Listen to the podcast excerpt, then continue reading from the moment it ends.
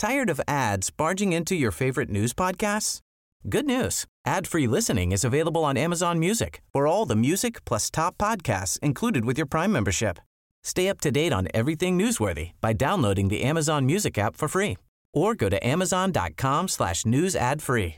That's amazon.com slash news ad free to catch up on the latest episodes without the ads. Hey, I'm Ryan Reynolds. Recently, I asked Mint Mobile's legal team if big wireless companies are allowed to raise prices due to inflation. They said yes. And then when I asked if raising prices technically violates those onerous two-year contracts, they said, what the f*** are you talking about, you insane Hollywood ass?"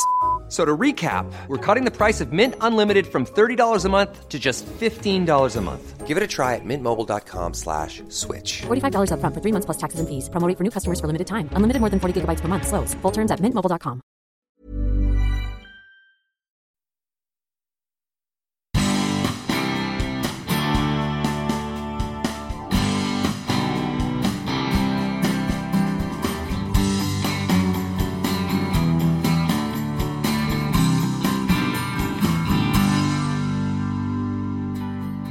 Från typ midnatt kvällen innan till att sen stå klockan två eh, dagen efter live på isen för 350 miljoner tv-tittare och sjunga live.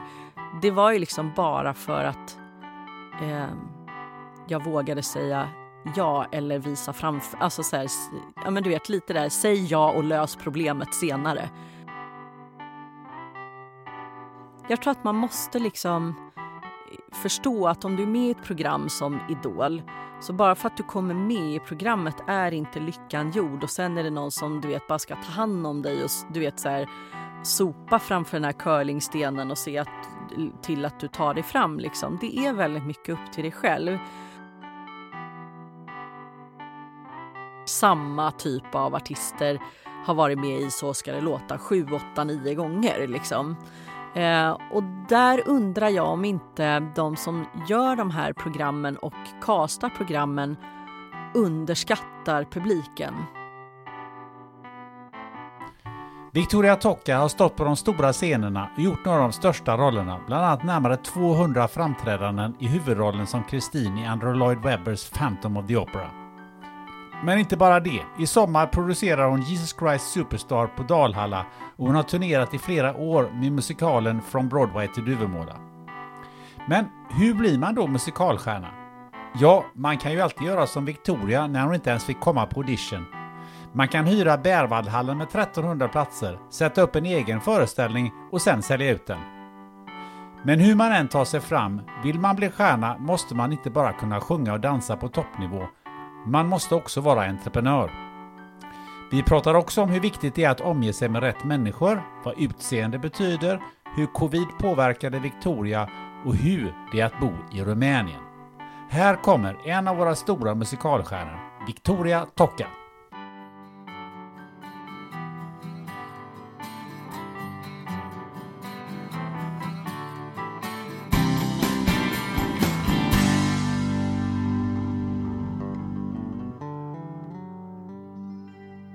Men det måste ju varit ett helsike med den här eh, pandemin Ja, alltså det går liksom inte att beskriva för någon som inte jobbar i vår bransch liksom. Nej. Eh, det är helt... eh, Men vad gjorde du förutom att du startade en podd? Men det var inte... Nej, alltså jag fick sälja mitt sommarhus för att ha råd att betala hyra. Jäklar. alltså jag kunde inte ta ut lön på Nej. två år. Alltså det var... Ja, det var inte bra. Nej. Nej. Nej, det måste varit en jäkligt tuff tid. Ja, det var det. Och framförallt liksom att jag upplevde att eh, om man säger hela det vanliga samhället om man säger så tyckte att det nästan var rätt åt oss. Liksom. Alltså så här, gå och skaffa er ett riktigt jobb. Varför liksom, är det så synd om er? Ni, alltså, så här, vi var inte liksom eh, essential workers liksom. Nej. Utan det var så här, tänk på alla som sliter ihjäl sig i vården och liksom gör något på riktigt. Alltså det var väldigt mycket sånt liksom. Ja, det där är intressant när man ställer saker och ting mot varandra. Ja, alltså liksom och, de i vården. Ja men, ja men alltså, det jag har aldrig mer- någonsin menat att de inte är viktiga. De är Nej, jätte, precis. jätteviktiga. Men jag tror att vi har en väldigt, väldigt viktig funktion liksom för folks välbefinnande i vardagen. Liksom. Eh, och sen så är det ju eh, vår musikbransch är ju Alltså det är ett väldigt stort ekosystem. Mm. Liksom. Så att när vi inte får jobba, alltså restauranger tappar, hotell tappar, alltså Ja. alla, alltså om man tittar på, det är inte bara stjärnan som står på scen som Nej. kanske tjänar mest pengar, det är synd om. Utan det är liksom alla roddar, alla tekniker, de Ja. som står och säljer program, Ja. de som är vakter, de som kör bussarna, de som hyr ut tekniken. Och. Alltså det är så jäkla mycket folk. Så att eh, det var alltså det som var intressant var väl snarare att vi fick liksom eh, möjlighet mot slutet att prata med eh, en hel del politiker och, Mm. och liksom förklara hur vår bransch fungerar. Hur, Mm. lång, hur långa ledtider man har och du vet alla de där grejerna. Mm. Nej, men det, och, det, och det är väl lite det här... ehm, jag hörde någon sa så här att eh, ja men eh, eh, ja, du tjänar ju inte så mycket pengar som trubadur men du har ju kul. Ungefär som att Mm. ja men ska man äta kul eller alltså Ja. vadå? Ja du råkar ha kul på jobbet då behöver du inte ha så mycket betalt. Nej, Alltså det är också jävligt märkligt tycker jag. ja, exakt. Du är ju firad stjärna. Måste du ha betalt också? Alltså det, det är Ja. nästan Ja, den undertonen precis. kan jag höra ibland. Sådär. Ja, precis. Tänker, men, Jo, men och, och det är ju en diskussion som alltid är intressant när man ska liksom diskutera gager eller ja. sådana saker. Liksom det är, ja, det för att det, folk vet inte heller hur mycket förberedelse det är. Liksom. Jag gjorde Kristina från Duvemåla på Dalhalla i somras. Ja. Eh, Den rollen, hon sjunger liksom konstant i tre timmar. Ja. Och det är inte sjungandet i sig som kanske är jobbigt, även om det är fysiskt ansträngande. Men när tror du att jag lärde mig allt utan till? Liksom för fem minuter sedan? Ja, Nej, hur? alltså det är ett halvårsjobb liksom att lära sig allt och alltså för att det ska sätta sig i kroppen och texten, alltså så här att allt ska sitta så pass Ja. väl att du fullt avslappnat kan leverera en trovärdig tolkning. Ja. Liksom. Det är inget man gör på fem sekunder. Alltså, eller om du ska sjunga alltså, på ett bröllop eller vad det Mm. än är och så bara, ah, men förresten kan du sjunga den här låten? Och man bara, mm, fast liksom absolut, men ska jag göra det utan till? Alltså det är inget man Nej. lär sig. Jätte, alltså så här, titta på manuset till Kristina från Duvemåla. Det är Ja. liksom tjockt som Bibeln typ. Så Ja. bara tänker man så här, jag tänker om du lär dig det utan till Mm, det. och ställer inför 5000 personer och gör det. Liksom. Och gör det, inte bara gör det utan gör det jävligt bra också. Ja. men exakt. Så att det, ja. Du eh, Anders, eh, har du börjat rulla eller? Du har rullat ett tag. Oj då. Vad härligt. Stryk Anders, stryk! nej, nej, nej, nej, nej. Det var ju skitintressant. Det får Ja. inte... Vad sa du? Ja, nej, men, det, spelar vi kan, ingen roll. Det gör Ni vi får, någonting klippa. Det ni här får klippa och skitbra. klistra Och Vi har, vi det. har, startat, från, vi har startat från noll till hundra på nolltid. Det Ja, jättebra. det brukar vara så. Det är ja, det är perfekt. härligt. Um, måste jag ändå fråga dig innan vi, innan vi eh, så att säga fortsätter. Eh, Ja. Är det någonting som du har frågor kring, någon fundering du har om det här? Eh, Nej. Ingenting speciellt? Nej. Är det, vad, har- du någon, vad har du för bo- bortre tidsgräns? Är det någonting Eh. som du vill, nu vill jag här, vara härifrån? Eh, Nej, ing, alltså vid lunch senast Ja. skulle jag behöva gå. Mm. Men, Nej, men det är det inte så att jag liksom måste gå prick 11 eller så. Nej, elva lär vi inte vara klara. Inte Nej. med tanke på hur vi har börjat. Exakt. Nej då, så vi, vi kör Ja, och men kör. Men runt är- lunch skulle jag behöva gå. Ja, nej, men det är, det är samma här. Så Ja. att, eh, så att jag säger Victoria Tocka, välkommen till podden Spännande Tusen möten. tack! Ja, vad roligt att se dig här. Hur mår du? Jag mår jättebra. Ja. Ja. Hur mår rösten? Eh, den mår helt okej. Jag var och tittade på eh, min son tävlade friidrott häromdagen så jag har skrikit lite. Men eh, så eh, just rösten kanske inte är i toppform idag men annars så är det super. Är det den frågan eh, man ställer sig som, som musikalartist varje morgon? Hur mår rösten? Är det första tanken? Ja, när man är i produktion så är det absolut första eh, liksom, att man känner efter. Hur, hur känns det? Men sen när man liksom lärt sig genom åren tycker jag att inte få panik om det inte är liksom perfekt direkt när man vaknar. Det är ju sällan det. Utan ge det lite tid och liksom vakna till och sådär. Så, förändras det över åldern? Eh, ja, absolut. På vad sätt då? Eh, nej men rösten i sig tycker jag har ändrats en hel del. Jag märkte när jag fick mitt första barn att rösten liksom blev lite lägre och lite tyngre, alltså lite vuxna. Alltså det hände någonting efter första graviditeten. Mhm. Ehm, och eh, alltså jag var ju en väldigt liksom glittrig sopran liksom, som ung. Och sen har jag liksom landat i mer en liksom lite tyngre lyrisk sopran kanske. Som vuxen eller vad jag ska säga. Mhm, Fram- Det finns liksom olika såna här eh, schatteringar, Ja, graderingar. oh ja, oh ja. Okej. Ja, Ja. och håller, folk som håller på med opera de är väldigt petiga med det där. Mhm. Men eh, ja, annars så... Där finns det ju väldigt många olika fack. Liksom. Så en sopran kan ju vara både dramatisk och lyrisk och koloratur. Och, ja, men det finns väldigt mycket. Liksom. Men så att, eh, ja, det hände något efter, efter första graviditeten. Då blev det liksom en lite... Eh, min sångpedagog sa att om jag eh, liksom var mer champagne innan så var det som att det liksom mognade till ett mer liksom, mognare vin. efter- Muskigt rödvin. Ah, det vet jag inte. Men, men liksom det mognade till sig lite efter, efter det. Jag blir lite nyfiken. eh, eh, eh, Hur sköter man rösten? Hur sköter man? Eh, prata inte så mycket. Det är det här vi... det Ja, är inget bra att sitta i podd. Nej, alltså skulle jag ha sjungit ehm, en stor roll ikväll då hade jag inte valt att podda idag på dagen. För, eh, och det märker man väldigt tydligt när man är ute och um, turnerar som vi har gjort med Från Broadway till Duvemåla väldigt mycket. Så att sitta och prata med varandra liksom på tågresor eller bussresor eller i bilen eller så, det är inte eh, ultimat liksom. Just för att man, man sliter mer på rösten och blir tröttare av att prata en hel dag än att sjunga. Finns det mer grejer som man inte ska göra förutom att eh, prata och podda?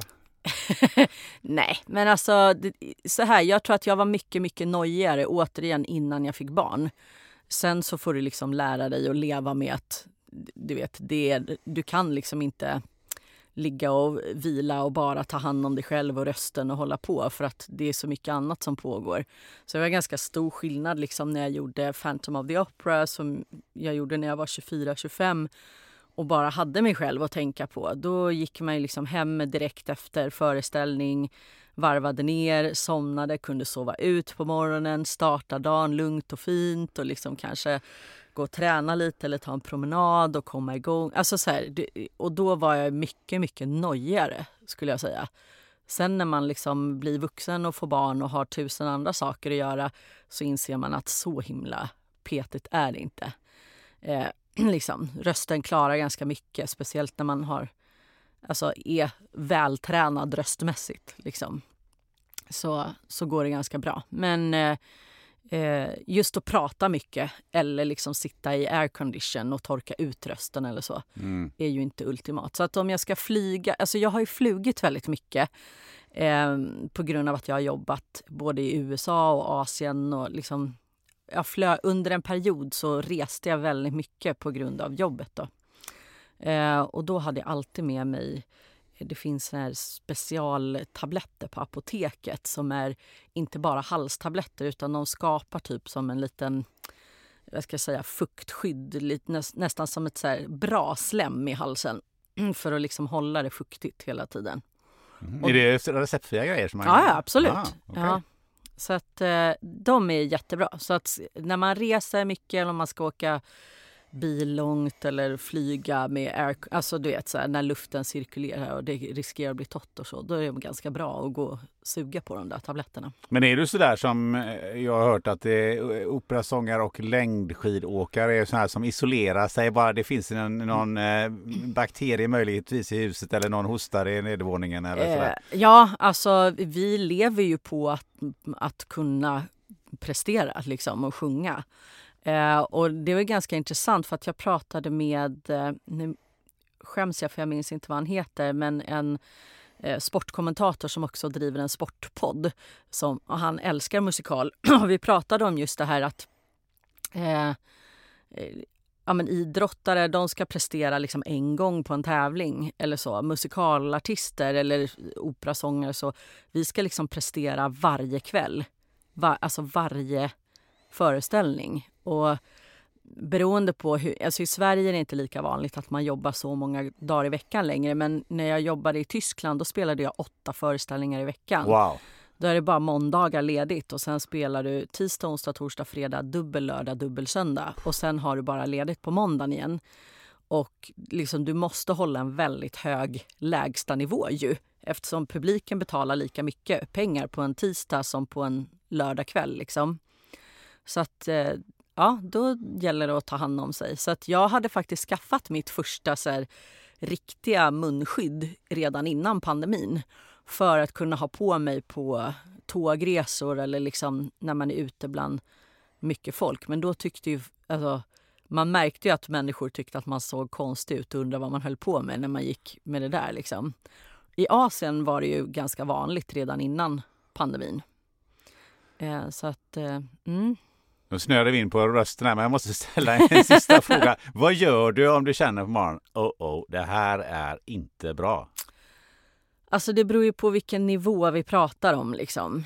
Jag tror att jag har kommit så pass långt i, i mitt kunnande och mitt yrke så att jag kan, jag vet hur liksom eh, var min, lä alltså, min lägsta nivå, även om jag är dålig i rösten, är fortfarande ganska hög. Så känner jag att jag kan, jag kommer kunna klara att genomföra föreställningen så har jag ju en, ett upplägg liksom. Och mycket är faktiskt bara att vara tyst. Dricka mycket, suga på de här tabletterna, värma upp väldigt lugnt och fint, långs alltså inte ha bråttom. Då får man ju verkligen vara försiktig och ta tid på sig. Liksom. Och sen vet man också, har du sjungit en föreställning många gånger eller, alltså, så vet du vart det tar mer kraft och var du måste, liksom, hur du ska lägga upp loppet så att säga.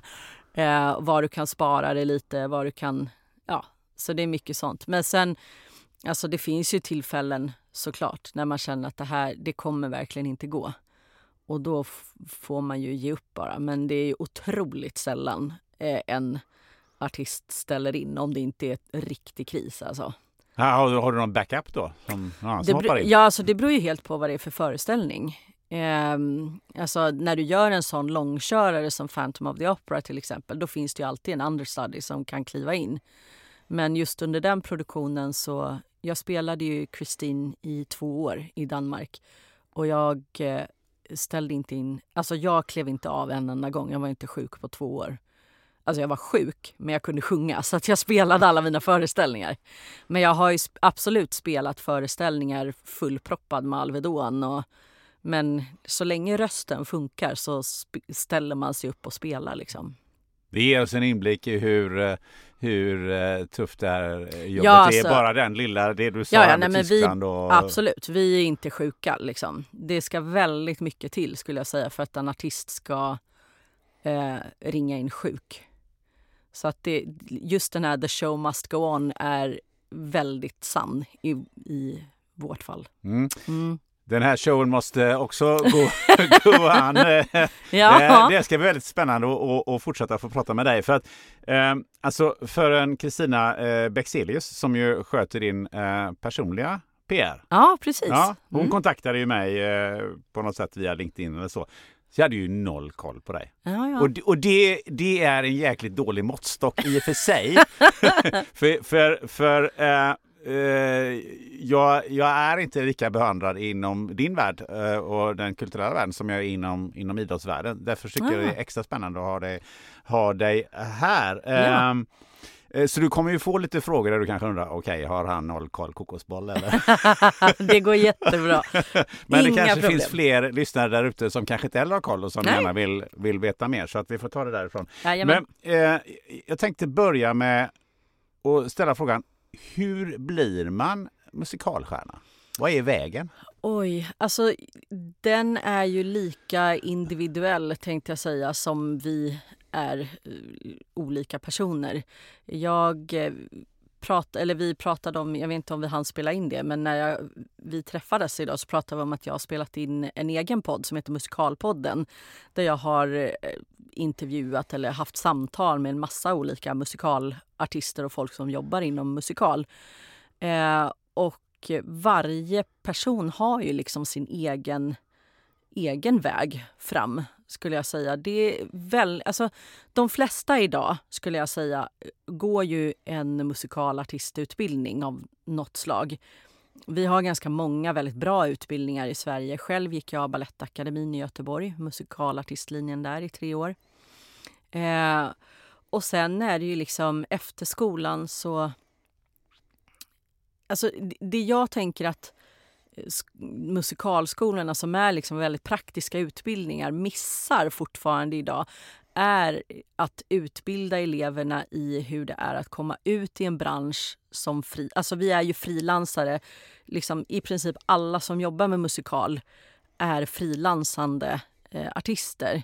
Det finns otroligt få som har en fast tjänst. Jag tror att det är två stycken på Värmlandsoperan och en par stycken kanske på Malmöoperan. Men i princip så är alla ute och frilansar.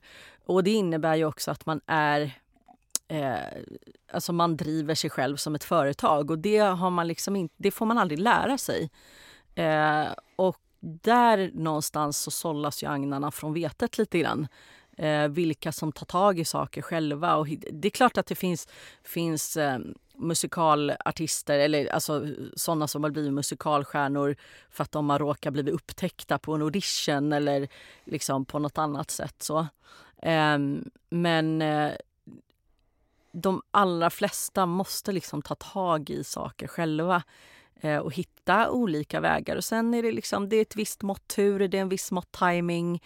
Eh, men det är väldigt, väldigt mycket hårt jobb och att vara envis och fortsätta liksom, sätta en fot framför den andra. Och liksom, eh, så att, ja, det, det, är en jättetuff bransch att komma ut i efter skolan. Men eh, brinner man för det och verkligen vill göra det så finns det alltid en väg. Liksom. För det känns ju som att eh, det finns en sån kombination av att vara duktig på att sjunga, dansa och det här och sen vara säljare. Mm. Eh, och egenföretagare och ha den, den drivkraften. Det känns ju inte som att de är riktigt nära varandra. De är inte alltid så, kompatibla. Nej, det, det var det jag korrekt. tänker på. Och det, det måste ju vara, finnas någon sorts, de som är framgångsrika, de, det känns som att de har någon unik kombination av de här två sakerna. Alltså, som sagt, jag tror att det är väldigt olika. Så tittar man på en artist som Helene Sjöholm till exempel som eh, egentligen blev upptäckt av Björn och Benny under audition för Kristina från Duvemåla. Eh, mig veterligen så är inte hon superaktiv eh, eller intresserad av sociala medier och så vidare. Utan hon har hittat sin väg. Eh, medan det finns andra artister som liksom har byggt upp en hel karriär på att vara oerhört aktiva på sociala medier till exempel och blivit upptäckta den vägen. Och, så att det finns egentligen inget rätt och fel men i och med att jag idag producerar väldigt mycket och driver produktionsbolag och många gånger sitter på andra sidan bordet när det gäller auditions och så och faktiskt anställer väldigt mycket artister så eh, för mig så, så känner jag att... Alltså så här, det jag säger till unga musikalartister som kommer ut från skolan och så är ju att ni måste ju också någonstans visa mig att ni finns. För det kommer ut hundratals elever från skolorna varje år. Alltså, och jag, det finns ingen möjlighet för mig att ha koll på alla. Jag försöker åka och titta på eh, slutproduktionerna på de olika skolorna när jag kan och har möjlighet och sådär. Men eh, säg att jag letar efter en väldigt specifik eh, roll. Alltså jag ska eh, ja, besätta en speci specifik roll och letar efter nåt väldigt specifikt och, och börjar, då letar jag runt kanske på... Alltså dels så frågar jag kontakter och liksom så, men, eh, eller så kanske jag vet någon. Men annars är det ju mycket liksom att man kollar runt på sociala medier och eh, då måste du liksom våga sälja dig själv. Och med det menar jag att våga lägga ut klipp där du sjunger eller gör saker på dina sociala medier. Men då kommer ju ofta den här jantelagen in då, i Sverige. Att liksom, man är så otroligt rädd för att visa upp sig själv för att liksom andra ska tycka att man framhäver sig själv och sådär. Men i vår bransch måste vi göra det, för det är faktiskt så att vi vi är våra egna produkter, om jag säger så. Vi måste våga sälja oss själva. Och där har väl jag kanske genom min karriär eh, varit rätt osvensk eh, på det sättet att jag har inte varit rädd för att eh, sticka ut eller ställa frågan eller ringa upp någon eller lägga ut ett klipp eller eh, synas och höras. Liksom. Jag tycker inte att det är något fult, för det är ändå det vi jobbar med. Ehm, Sen så handlar det mer om att hitta en balans kanske och välja liksom, vad man tackar ja till och inte och så vidare. Men eh, idag har man ju en, en mycket större möjlighet att nå ut till oss producenter och folk som skapar jobb i den här branschen genom att det finns sociala medier. De verktygen hade inte jag när jag gick ut skolan. Liksom. Alltså, nu låter jag jättegammal, men du vet, det var nästan ja, men före internet. typ. Nej, men alltså, man hade börjat använda e-mail. Liksom. Men eh, när jag sökte Phantom of the Opera då skickade jag liksom en videokassett till dem. Alltså en fysisk video liksom i vadderat kuvert på posten. förstår du? Ja. Så att liksom, det har ju hänt otroligt mycket under de senaste 20-25 åren. Um, så att även om det är många fler som är ute och söker jobb så är man lite kreativ och så, så finns det ju fler kanaler och fler verktyg att använda sig av också. Så det är väl både och.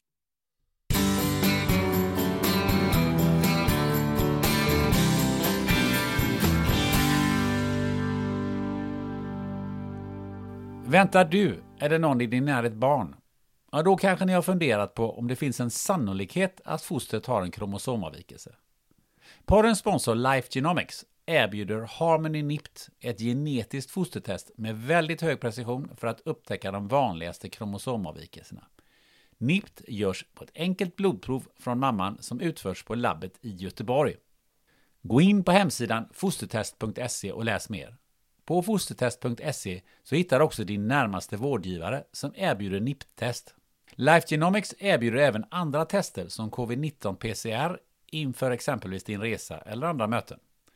Dessutom erbjuder Life Genomics ett kvantitativt antikroppstest för covid-19 som påvisar aktuell immunstatus. Mer information hittar du på lifegenomics.se. Tack Life Genomics!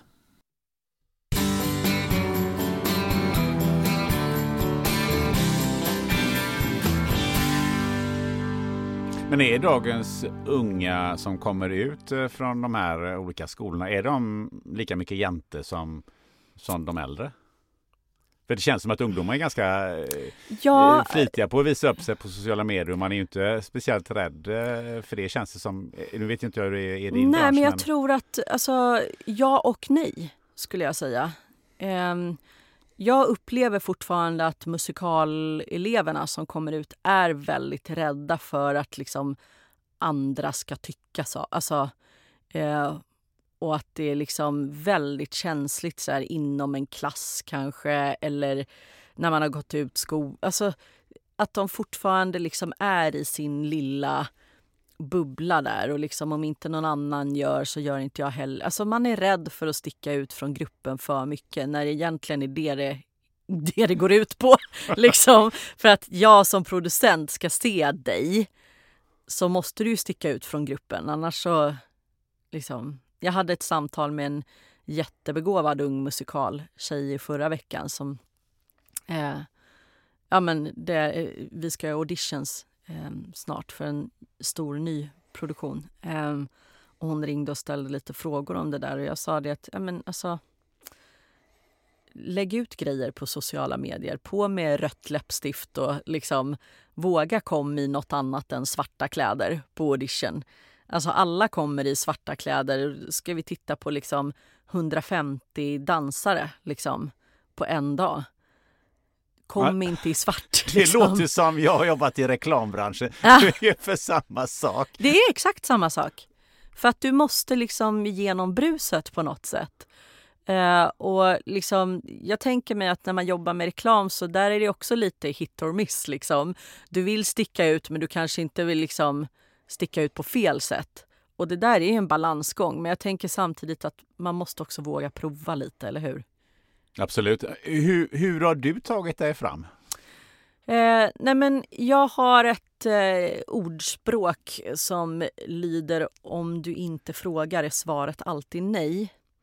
Så att det har varit en väldigt genomgående eh, ett genomgående tema liksom genom hela min karriär när jag tittar tillbaka själv också. Att jag har aldrig varit rädd för att ställa frågan.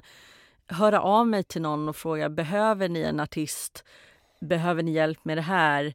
Eh, kan vi samarbeta? Eh, alltså, väldigt många av mina möjligheter eh, under karriären har liksom kommit från att jag har vågat ställt en fråga.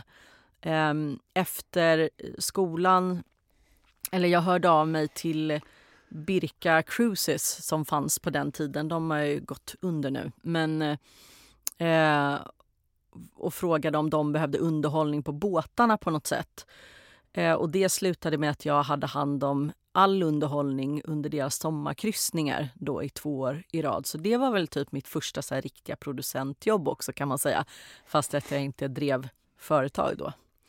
Eh, Alltså, jag fick sjunga live på isen i konståknings-EM 2003 för att jag vågade ställa en fråga. Jag skickade ett brev till Svenska konståkningsförbundet och frågade om de behövde någon som sjöng nationalsången eller någonting liknande liksom, under EM i Malmö. Eh, och eh, efter ett ja, tre, fyra veckor, det här gick via brev då, inte e-mail, så fick jag svar och eh, fick ett möte med ordförande för Svenska konståkningsförbundet. Och det slutade då med att jag hade hand om all underhållning under konståknings-EM 2003 i Malmö. Um, Finns det ett klipp på det när du står och sjunger ja, på, på, isen där? Det kan jag rekommendera att gå in och titta på det. Det är, väl, det är en uppvisning va? Och det är det, hon, en, Irina Slutskaja hade vunnit EM-guld det året. Och det här är faktiskt en ganska rolig historia för att eh, det var ju inte alls planerat. Eh, när de har haft en stor konståkningstävling så har de alltid en uppvisningsgala sista dagen. Eh, där liksom, jag tror att det är typ topp fyra eller topp fem som får åka igen och visa upp sina uppvisningsprogram. Och då var det en väldigt stor fest på det här hotellet som alla bodde på i Malmö kvällen innan där det festades ganska rejält liksom, hos de flesta deltagare.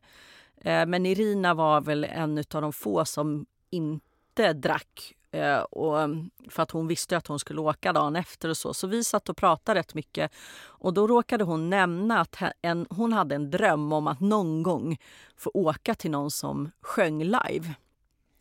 Eh, och det här var ju liksom runt midnatt, alltså det var mitt i natten. Och jag sa att ja, men det hade varit jättekul. Jag, jag kan absolut göra det. Och så gick vi igång på det där lite. Bara, ja, men vi kanske ska se om vi kan göra någonting imorgon. Liksom. Och så bestämde vi att vi skulle mötas i ishallen när hon, eh, åtta på morgonen för då hade hon sin träningstid. Så vi möttes i ishallen och så hade jag liksom en sån minidisk. Kommer du ihåg dem? Ja, just det. Ja, för er som är för unga så är det en slags liten cd-skiva med några musikbakgrunder på som jag liksom hade haft och sjungit till på andra evenemang och så. Och då fanns bland annat Det vackraste. Eh, och hon gillade den bakgrunden. Hon bara, det här kan jag åka till. Liksom. Eh, och sen så gick hon och pratade med Internationella konståkningsförbundet som tyckte det var en kul idé som gick till SVT som då skulle sända live och frågade om det liksom överhuvudtaget var görbart i och med att det skulle tv-sändas. SVT sa ja och liksom från typ midnatt kvällen innan till att sen stå klockan två eh, dagen efter live på isen för 350 miljoner tv-tittare och sjunga live. Det var ju liksom bara för att eh, jag vågade säga ja eller visa framför... Alltså så här, ja, men du vet, lite där, säg ja och lös problemet senare. Eh, och liksom, när, när möjligheterna kommer eller visar sig, våga hoppa. Liksom. Eh, så att många såna... Jag har nog aldrig varit rädd som sagt för att ställa frågan eller chansa eller liksom prova saker. Eh, när jag fick mitt första stora jobb i, i Tyskland kunde inte jag någon tyska. Eh, och fick ändå den kvinnliga huvudrollen och bara herregud hur ska det här gå? Men det är ju så här, det är bara att lära sig tyska, hur svårt kan det vara liksom? ja det är ju görlätt, jag Ja. pratar flytande. Eller hur? Ja, det... Nej men alltså, och, alltså ja, det, allt går ju. Jag gjorde Christine i Phantom of the Opera på danska. Det var också en sån där, jag hade, egentligen ska man ju ha fem, sex veckors repetitionstid för en sån stor roll. Men när jag kom till första repetitionsdagen så blev jag uppkallad till teaterchefen där. Eh, som undrade om jag kunde ha premiär om tio dagar för att hon som spelade Christine innan mig, jag skulle ju byta av en dansk sångerska. Hon hade fått ett annat kontrakt på Kungliga Operan i Köpenhamn och behövde sluta tidigare. Eh, och det var också så här, jag, självklart säger du ja. Och så är det bara att lösa det. Liksom. Jag har premiär om tio dagar. Det är bara, alltså, det är bara att lösa det. Du måste ju ha ett fantastiskt språköra för jag har ju eh, hört dig prata engelska och, och Ja. det är väldigt, väldigt bra. Ja, tack. Ehm, ja, men jag tror att det hänger ihop med musikalitet kanske. Jag menar, jag ska inte säga att jag är flytande i tyska eller danska, men jag tror att ehm, i ett, ett eh, musikaliskt sammanhang så är det ganska lätt att härma. Liksom. Mm. Mm. Eh, vad, vad behöver man mer än just det här det entreprenöriella, men just det här, jag tänker kring att sjunga och Räcker det bara att kunna sjunga? Måste du alltid kunna dansa och, och kunna massa andra grejer? Eller hur är det Jo, med? absolut. Alltså, det beror ju, som sagt, ska du hålla på med musikal då måste du ju vara eh, klara av att skådespela och dansa också. Och sen är det väl liksom lite olika. Jag skulle säga att eh, skådespeleriet är alltid viktigt. Eh, för det är ju ändå det eh, vi ska berätta en historia och få folk att känna någonting. Och det kommer ju ur en, en känsla och att kunna förmedla känsla. Eh, sången tycker jag personligen är otroligt viktig när det gäller musikal. Eh, I och med att det är musiken någonstans som, som bär föreställningen. Sen beroende på vilken roll och vilken musikal det handlar om så är dansen också otroligt viktig. Tittar vi nu på eh, A Chorus Line som går på Stadsteatern i Stockholm så bygger ju den på att det är otroligt bra dansare och liksom hela föreställningen handlar om dans. Eh, Likaså Cats, där är dansen otroligt viktig.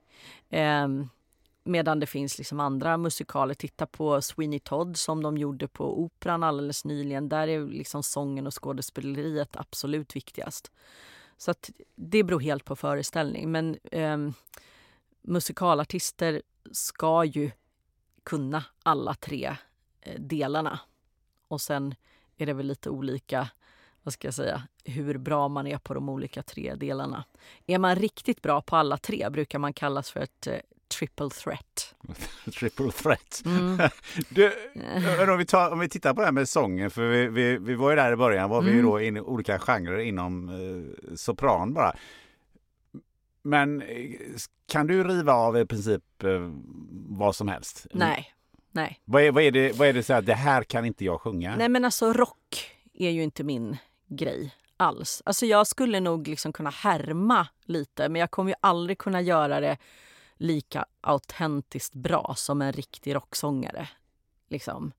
Ehm, så att där har det ju varit också jag tycker att det blir tydligt liksom genom sin karriär och, och alltså sådär vad man passar för och inte passar för. Eh, och i vår bransch kallas det liksom för typecasting. Eh, och det handlar ju både om vad du passar för röstmässigt men också utseendemässigt eller typmässigt rent generellt. Liksom. Och jag har ju fått spela mycket eh, drottningar och prinsessor och eh, ja, men Disney. Mycket gulligt och fint och snällt och eh, liksom duktiga flickor och ja men så. Eh, och eh, så att jag, jag har liksom aldrig fått möjlighet egentligen att spela elak eller ehm, tuff tjej. Skulle du vilja det? Ja men alltså det hade väl varit jättekul. Men jag är ganska tuff i verkliga livet istället. Alltså jag är inte elak och jag är ingen bitch liksom. Men eh, jag är ganska rak och eh, ganska tuff liksom i min eh, personlighet utanför scen. Så att eh, det har varit väldigt, alltså jag klagar inte. Jag har fått spela fantastiskt roliga, bra eh, saker. Liksom. Men det är klart att alla säger ju att det är roligast att få spela lite bitchy och lite elak för att det kanske man inte gör ute i verkliga livet annars. Liksom. Så att eh, be dig riva av en Springsteen-låt här, det, det är en dålig idé? Alltså, jag, jag, kan absolut sjunga Springsteen men det kommer ju inte låta rockigt liksom. Förstår vad jag menar? Ja. Det är liksom som att be Malena Ernman sjunga pop. Eller, alltså nu är inte jag operasångerska som Malena är, men man har liksom sin, sin röst och sin röstklang och där man passar liksom. Och, så att nej, det skulle jag undvika kanske. Jag, jag, tänkte faktiskt på det en gång för jättelänge sedan. Jag vet inte, jag kom på det just nu. Men, men eh, jag tror var Loa Falkman som var med i eh, Melodislagerfestivalen. Ja. Eh, och, och då tänkte jag så här, man sjunger i slager fast han han sjunger som en operasångare. Det är så här, det är så här okej, okay, ja. ja. Det, det, är rätt just, konstigt tyckte jag. Ja, men precis. Men just operasångare brukar ha svårt att ställa om för att det är en så specifik teknik de jobbar med. Och den, alltså, du kan ju nästan höra att det är en operasångare bara när de talar för att de har liksom en jag kan se dem när de gör entré genom en dörr. ja, det har jag faktiskt varit med ja, om. Så Ja, men precis. På en nej, men, midsommardag. Plötsligt ja. kommer in, jaha, okej. Okay. ja, men precis. De, nej, men de har liksom jobbat väldigt mycket med en speciell eh, teknik för att verkligen hitta den här stora klang, eh, klangen i rösten och så. Och det kan vara jätte, jättesvårt att, att ställa om. Jag menar, jag sjöng ju själv en del opera precis i början av min karriär. Jag gick på Adolf Fredriks musikklasser och var väldigt intresserad av opera och klassisk musik och gick också och tog väldigt mycket privata lektioner både på Operan och Operahögskolan. Ehm, så det som liksom fick mig egentligen att, att ställa om var ju just att jag blev så förälskad i musikal som eh, konstform. Eh, och då var jag liksom tvungen att börja tvätta bort den här eh, operaklangen. Men alltså, jag kan ju än idag höra att liksom jag har och det är det jag menar, att jag, jag kan liksom inte göra så mycket åt det. Det finns liksom en, en eh, klassisk klangfärg i min röst när jag sjunger som den är där oavsett liksom. Och det är väl det som gör också att det, det blir liksom inte autentiskt för mig att sjunga rock för att jag kan, jag kan inte. Jag kan sjunga låtarna men liksom, det blir inte alls lika bra som när en riktig rocksångare gör det. Du sa här att eh, du har varit eh, drottning och... Ja. och, och mycket drottningar. mycket, drottning, mycket korsetter. Hörni. Mycket korsetter, mycket drottningar. eh, vilket för mig eh, till, till frågan, vad har utseendet för betydelse för en eh, musikalartist? Mm, Alltså mindre idag än för 20 år sedan. När jag kom ut i branschen så var det ju otroligt eh, liksom stereotypt. Eh, alltså Christine i Phantom skulle se ut på ett visst sätt. Eh, liksom, eh, och, ja, men det, det, var väldigt liksom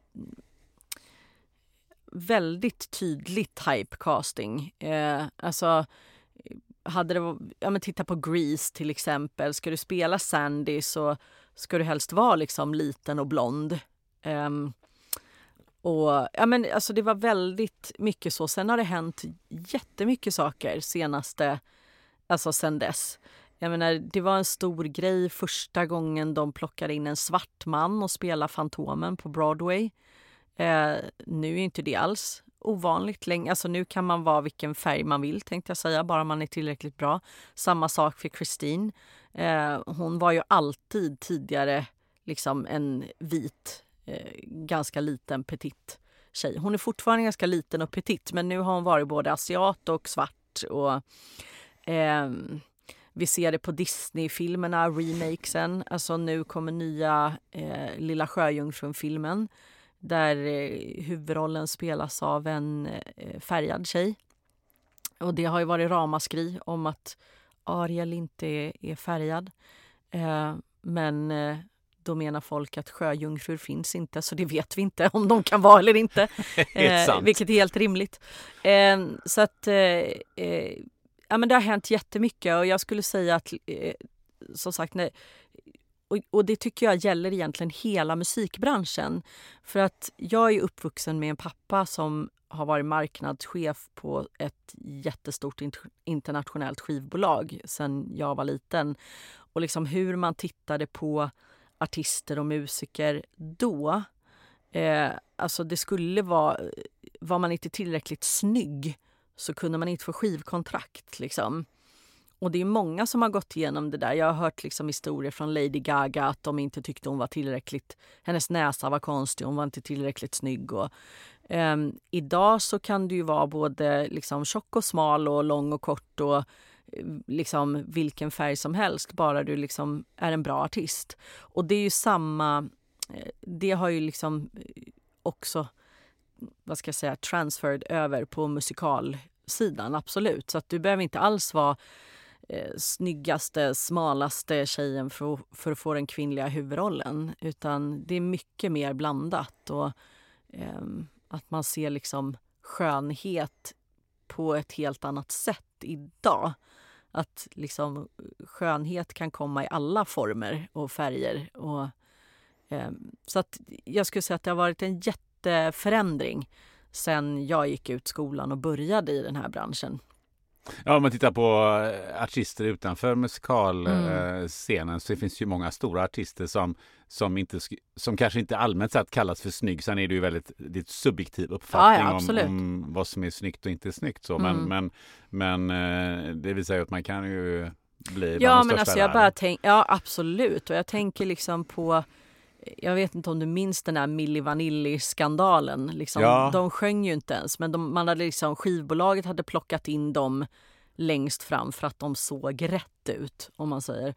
Um, och det är ju inte, uh, i alla fall inte på samma sätt lika uh, viktigt idag, så att säga. Utan nu är det mer um, ja, men, musiken kanske och det man vill förmedla som är det viktiga. Sen är det ju så att liksom, utseende kommer alltid ha en viss betydelse liksom i alla.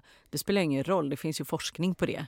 Liksom hur det här med liksom eh, privilegierad, alltså man kan vara som människa om man anses vacker eller snygg jämfört med någon som inte anses det. Och det spelar ingen roll om det alltså vi pratar om nöjesbranschen eller någon annan. Alltså det gäller egentligen samma sak om du ska söka jobb som mäklare eller liksom whatever så spelar det in. Liksom. Men, eh, Men det spelade ju in ända sedan den tiden vi fanns på savannen. Alltså ja, det finns ja, ju någonting ja, där att vi, vem ska mm. föra vidare vems gener och, och, på något sätt att, ja, ser, att, det, att det, fanns, det finns någonting där under som gör att, att de är bättre på att föra vidare generna än, än Ja än men är. exakt. Uh, så att det där ligger väl i sakens natur. Men uh, ja, utseendet, jag skulle säga att det, nej, det är inte lika viktigt idag som det var för 20 år sedan.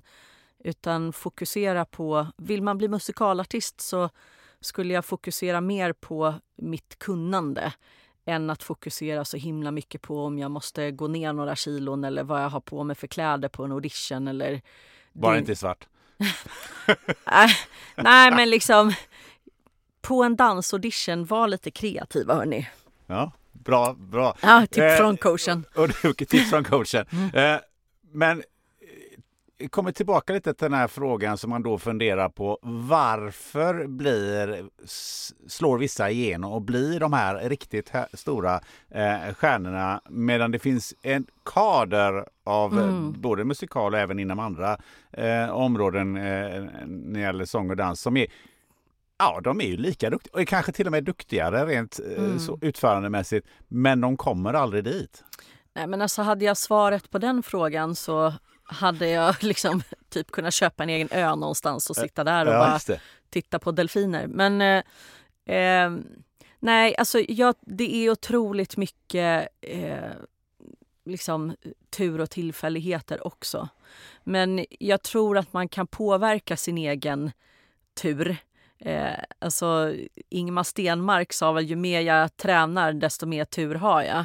Och det är ju lite så att eh, dels så att liksom eh, utveckla sin, sitt kunnande och sin, sitt yrke. Liksom. Ja, bara för att du har gått ut skolan är du inte färdig utan du fortsätter utvecklas i det här yrket hela ditt yrkesverksamma liv. Liksom. Man blir aldrig färdig. Eh, så man måste tycka att det är roligt att fortsätta lära sig, fortsätta öva, fortsätta... Alltså tittar man på alla duktiga dansare, de går fortfarande liksom och tar klasser och står vid ballettstången och gör basövningarna. Samma sak vi sångare.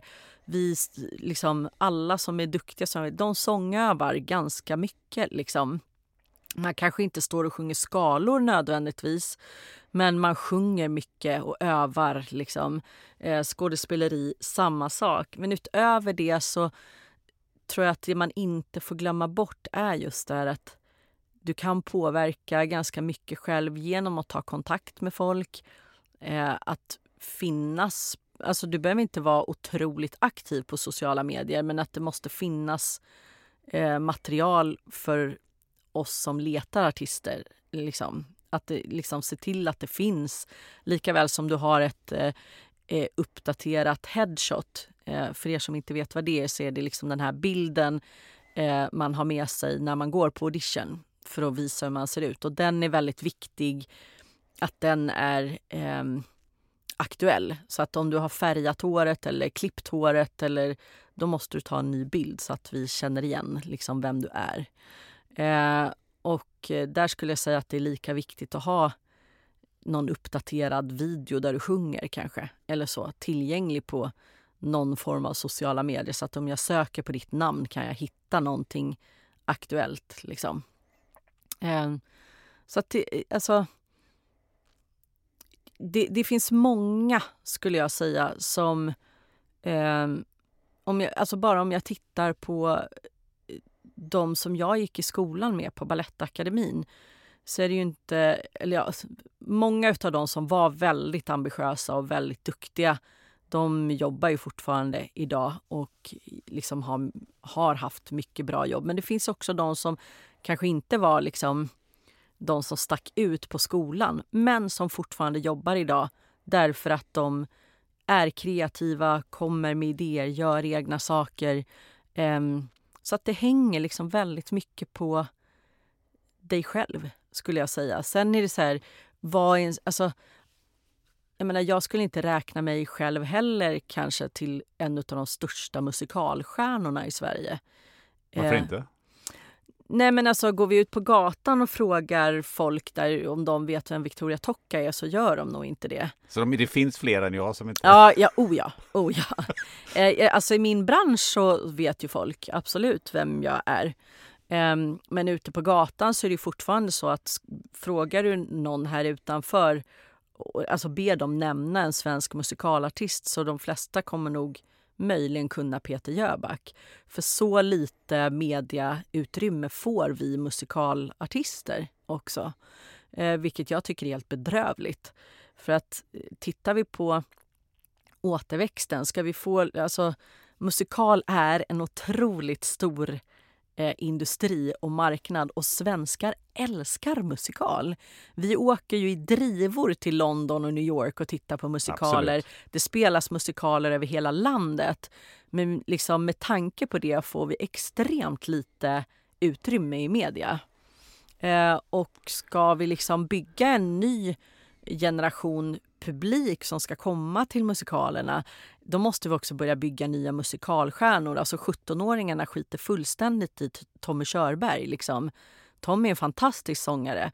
Men förstår vad jag menar? Alltså, vi måste börja bygga nya unga musikalstjärnor. Vi måste öppna upp liksom för nya eh, typer av föreställningar där liksom, eh, ja, som kanske inte... Vad ska jag säga?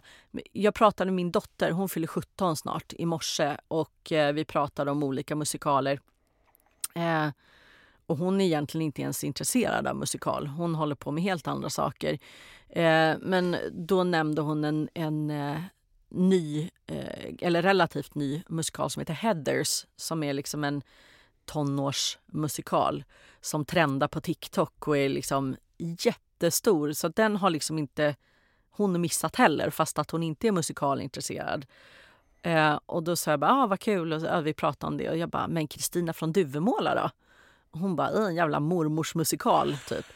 Eh, och liksom, ja, och jag älskar Kristina från Duvemåla och älskade Kristina från Duvemåla redan när jag var 20. Liksom. Så att, men jag tror att liksom, ska vi locka en ny generation som kanske inte eh, har varit superintresserad av den typen av musik som man förknippar med musikal eller så, då måste vi liksom öppna upp både för nytt musikalmaterial eh, som tilltalar en yngre publik.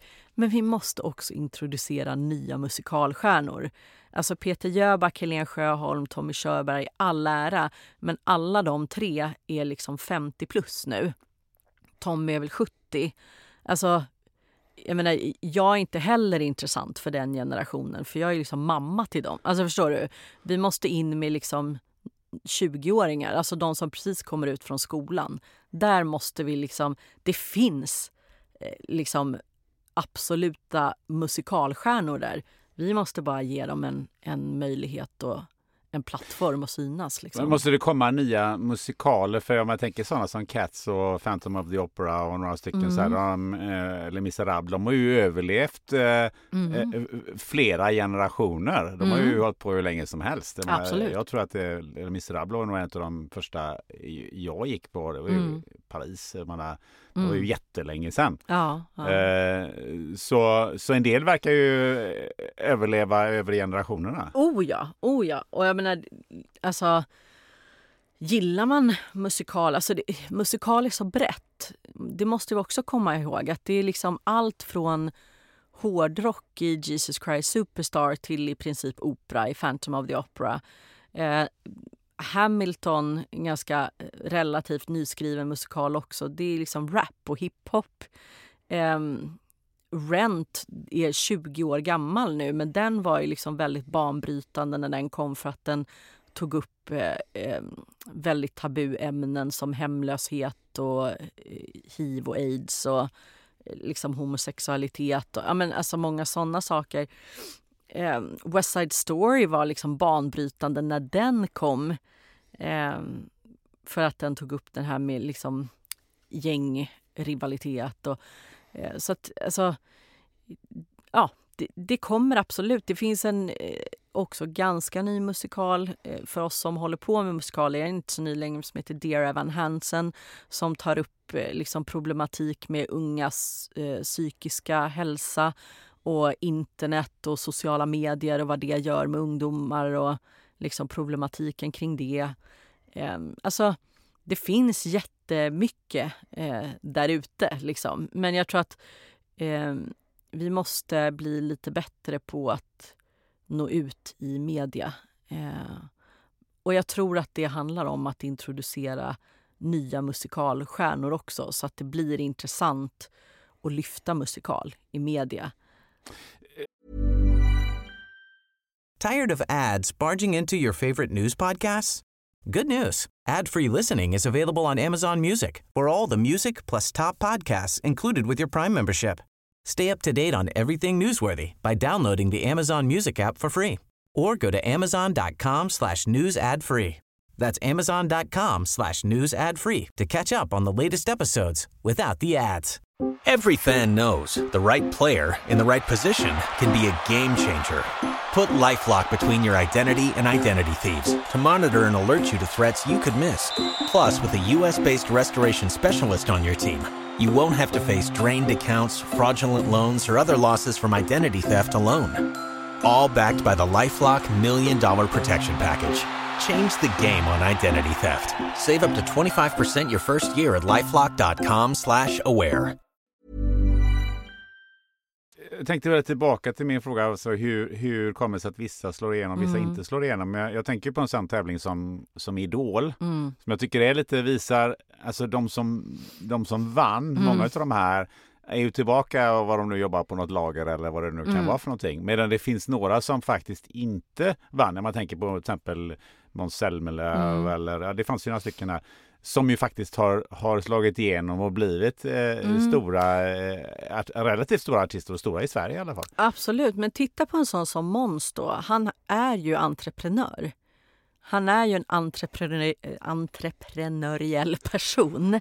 Alltså han har liksom startat eh, PDL paddelhallar och alltså jag tror att han har ett, nu känner inte jag Måns, men min gissning är att han har ett väldigt stort eget driv och egna idéer och liksom driver sin karriär framåt. Um, och uh, alltså, jag tror att man måste liksom eh, förstå att om du är med i ett program som Idol så bara för att du kommer med i programmet är inte lyckan gjord och sen är det någon som du vet bara ska ta hand om dig och du vet så här, sopa framför den här curlingstenen och se att, till att du tar dig fram. Liksom. Det är väldigt mycket upp till dig själv. Och just så här, ta möjligheterna när de kommer, ta chanserna när de kommer, våga säga ja. Det är liksom ingen som kan... Det är ju ingen som liksom kan tvinga dig att hoppa när möjligheten kommer. Exempel, vågar du ställa dig och sjunga live på isen inför 350 miljoner tv-tittare? Det är nu eller, eller aldrig liksom. Um, då måste du våga hoppa när den chansen kommer. Um, och, och där tror jag att Ehm, oavsett om du är entreprenör rent företagarmässigt eller inte så tror jag att man liksom har man den personlighetstypen som vågar ta lite risk. Jag tror att man behöver det för att liksom eh, ta sig någonstans i en bransch som är så tuff som musik eller musikalbranschen? Du som ser och har sett båda eh, sidorna och som mm. nu är, är på producentsidan. Vad, vad betyder människorna runt omkring en? Alltså jag tänker på att man ska bygga sitt varumärke. Ja, man drivs mycket själv, men det finns ändå en del människor runt omkring som, som du kan ta hjälp av eller mm. som som också kan hjälpa dig naturligtvis. Men, men vad betyder det här, de här, det här folket runt omkring? Otroligt mycket såklart. Alltså att omge sig med rätt människor oavsett egentligen om du, alltså som i mitt fall nu, bygger vidare på mitt produktionsbolag eh, eller om du ska bygga vidare på dig själv som artist eller eh, varumärke eller vad ska jag säga, att du väljer rätt människor. Och det där, det där kan låta väldigt läskigt för att det är så här, äh, men tänk om jag väljer fel. Eh, ja, fast du har alltid en möjlighet att ändra dig. Om du känner att den här vägen leder inte dit jag vill eller liksom nu har vi slagit in på, på fel väg, då kan du alltid backa och byta. Liksom. Eh, och det ska säga, det har jag också gjort under min karriär många gånger. Jag hade ett management i USA under en period som eh, ville att jag skulle skriva mer, vad ska jag säga, eh, ja men inte popmusik kanske, men lite mer liksom åt singer-songwriter-hållet. Och, eh, och jag testade det lite grann liksom, och jag till och med släppte musik och låg på trea på Billboardlistan med en utav de låtarna. Men eh, det var liksom inte jag, det var inte det jag ville göra. Och det är inget svårt tycker jag att bara så här, tusen tack för möjligheten men liksom jag måste tillbaks till musikal, eh, alltså musikalsidan. Det är liksom där mitt hjärta är och det är där jag mår bra. Eh, så att... Eh, och sen beroende på var man befinner sig i sin karriär så du kommer kanske inte kunna ha med dig samma människor liksom på hela resan. Och man kommer, alltså jag tror att man känner när det är dags att liksom levla upp eller byta eller liksom Eh, och då måste man också våga göra det. Och det handlar inte om att du liksom ska eh, kasta bort någon, eller vad jag ska säga. Men alltså jobbar man professionellt så de flesta vet liksom... Ja, men du kanske inte har med dig samma tränare från Korpen-tiden när du liksom ska spela i NHL. Liksom. Jag vet inte om det var någon bra liknelse. Men du fattar vad jag ja, menar. Alltså, vissa kanske har det och har med sig någon hela vägen som är liksom ett stöd och någon de har känt hela livet. Så Men många människor runt omkring dig kommer ju ändras eh, längs resans gång och det är helt naturligt och inget som är farligt eller konstigt eller svårt. Liksom.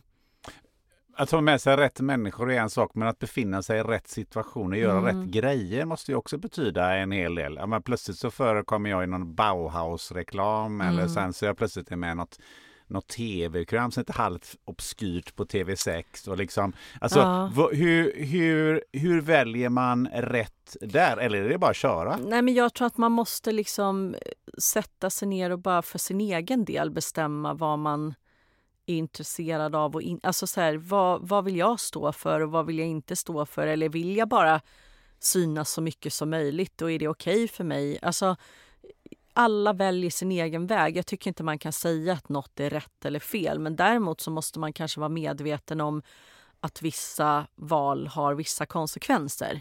Om jag säger så då. Ehm, Kan du ge några exempel? Nej men alltså jag har ju valt att inte göra typ så lekprogram i tv. Ehm, Typ Doobidoo eller något sånt? ja, nu har jag inte fått frågan om specifikt Doobidoo men, men liksom därför att jag känner att, alltså så här, jag vet inte om jag hade varit så himla rolig och bra på det. Eller så hade jag, jag vet inte. Men ehm, och det är ingenting som säger att jag kanske inte väljer att göra det nästa år. För då kanske jag tycker att det är en rolig idé. Förstår jag menar? Men hittills så har jag liksom känt att det inte har varit för mig. Alltså, jag har fått frågan några gånger om att sjunga in låtar som ska skickas in till Melodifestivalen. Det har inte jag känt i mitt forum. För att jag trivs inte riktigt med idén om att tävla i musik eller stå där med den typen av press på mig. Eh, och det tar inte bort någonting från alla de som gör det. Det är jättemodigt och det är liksom...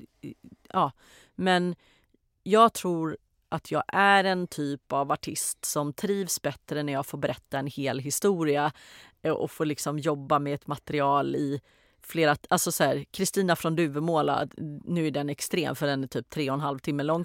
Men liksom att du får eh, ja, följa med på hela hennes resa. Liksom. Att det, där trivs jag.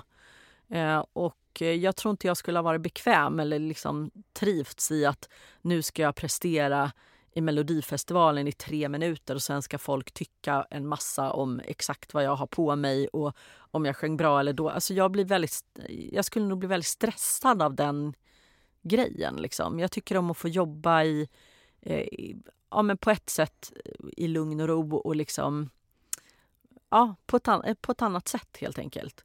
Så att, alltså, och det är ju samma då om vi återgår till din fråga, vad väljer man att vara med på och inte?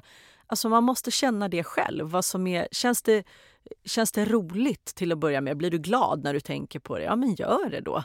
Det är liksom, det är inget som, alltså, men ja, jag vet inte. Det, jag, jag tycker det är jättesvårt att svara på eftersom alla gör sina egna val liksom.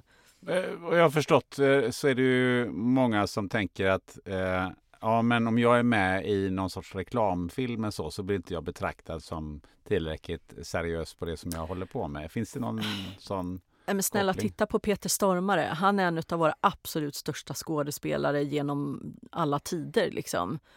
Och han eh, har ju valt nu, alltså han gör ju Bauhaus-reklamen.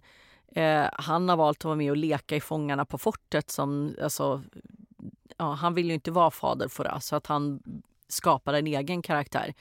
Eh, och liksom, ja men, men det hade ju inte Peter valt kanske när han var 40 och spelade i Hamilton-film. Alltså förstår du? Men nu liksom så känner han väl att, jag menar Peter fyller 70 liksom. Oj, han så gammal? Ja, och att liksom, nej men det är kul att testa lite. Alltså, nu har han råd att liksom leka lite som han kanske inte hade karriärmässigt när han var 40. Liksom. Ehm, så att det där är ju också, det går väl i olika faser i livet tänker jag, men det är ingen som tar ifrån Peter Stormare hans värde som skådespelare för att han gör reklam för Bauhaus till exempel.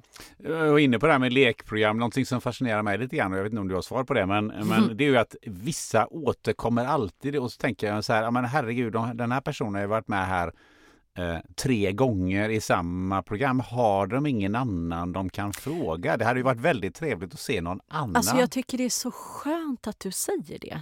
Därför att jag upplever precis samma sak och det har Alltså det är inte artisterna själva som bestämmer att nu vill jag vara med.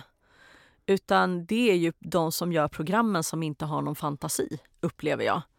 För det är lite så här också, eh, ja men titta på våran föreställning från, från Broadway till Duvemåla. Vi har ju några av Sveriges absolut vassaste musikalartister med i den produktionen.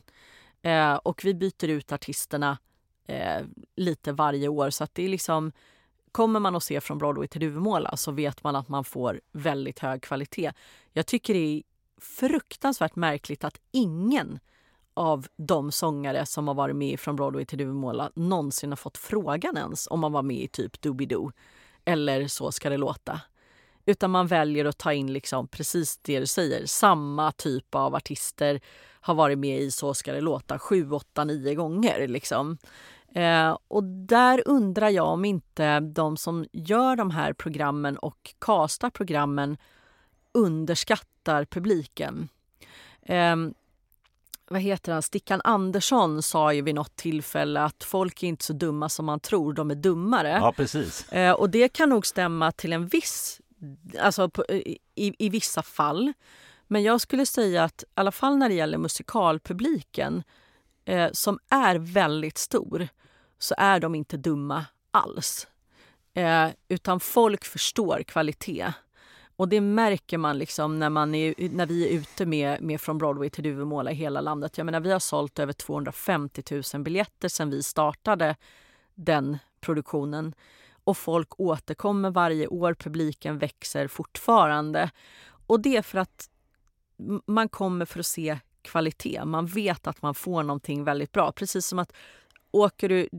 Alltså, du åker ju inte till London eh, och köper en musikalbiljett därför att du ska se en speciell artist.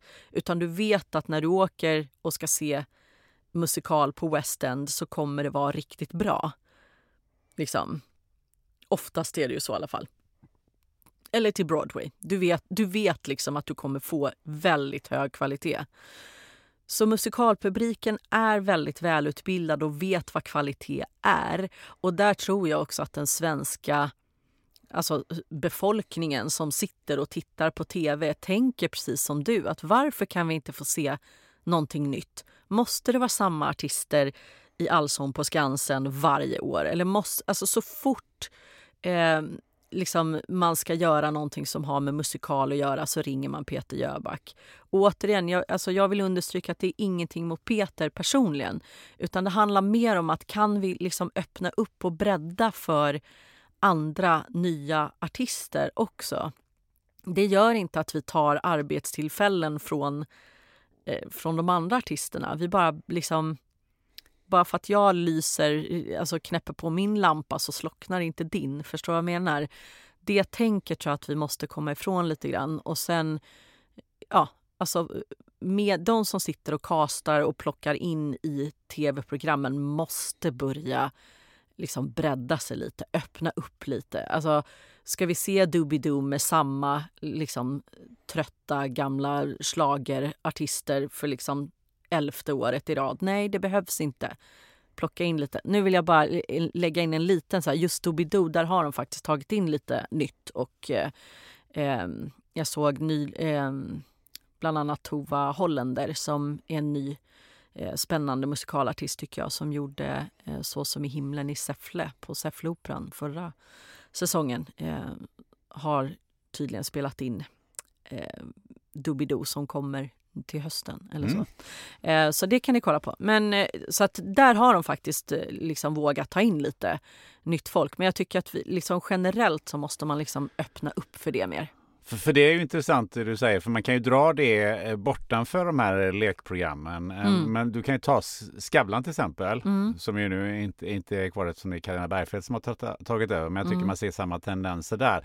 Alltså att, att vissa i, återkommer hela tiden i de där intervjusofforna mm. också. Mm. Uh, särskilt jag... tydligt var det på Skavlan. Och då undrar jag, liksom, finns det uh, finns det en rädsla hos dem som kastar att ja, men vi går på ett safe kort? Det tror jag absolut. och, alltså, och sen tror jag också att det handlar om att man vill ha bra gäster. Alltså man vill ha eh, folk är olika bra på att bli intervjuade. Ja, men alla Stoltenberg behöver väl inte alltid vara med? nej, Eller? nej Eller absolut. Erna Solberg, eller några av de här som alltid återkom. Nej, men det kanske var för att de var väldigt stolta över dem i Norge. Jag Det- vet inte. Nej, men jag, jag vet inte. Ja. Nej, men jag, jag håller med dig. Det är klart att det finns eh, jättemånga fler man skulle kunna bjuda in och prata. Men det är nog eh, en eh, trygghetsgrej att man vet att de kommer in och levererar också och gör ett bra program. Jag vet inte, men eh, Vi kan ge Ja. dem ett tips. De kan ju Ja, gå in på tips. eh, podden Spännande möten. Där finns det 150 stycken Ja, att vi välja ger på. dem det Och det, tipset. Det, det har varit eh, genomgående intressanta personer. ja, perfekt. Då vet ni vart ni ska kolla sen. Ja. Nej, precis. Eh, en annan eh, fundering som jag har eh, och som ju eh, eh, egentligen eh, drabbar, vad man ska säga, eh, alla artister som spelar in men, musik på lite olika sätt, det är Spotify. Mm. Vad har det betytt för, för er bransch? Ehm, för musikalbranschen kanske inte så jättemycket. Um, det var nog en Eh, mycket större omställning för övriga musikbranschen. Vad ska jag säga? Eh, nej, jag tycker inte att det har påverkat så jättemycket. Snarare att liksom eh, musikalmusiken har blivit mer lättillgänglig då kanske för fler människor. För att på den tiden när man gick och köpte CD-skivor så var det ju inte så lätt att få tag på, speciellt inte nya musikaler som hade kommit ut och sådär. Utan eh, då fanns det en eh, affär i London som hette Dress Circle. Så åkte man till London och var intresserad av musikal, då gick man till Dress Circle och så kunde man köpa CD-skivor med liksom nya inspelningar av nya musikaler och där kunde man köpa noter och jag vet inte om de finns kvar nu. men, eh, eh, ja, men för att det kunde vara svårt att få tag på eh, musik, eh, alltså musikalmusik på, på CD på vanliga eh, alltså, musikaffärer.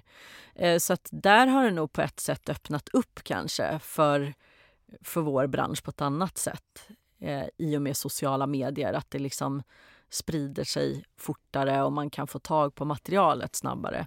Däremot så är det väl kanske problematiskt att man inte tjänar pengar egentligen på att spela in musik längre utan där måste man hitta andra sätt att tjäna tillbaka pengarna.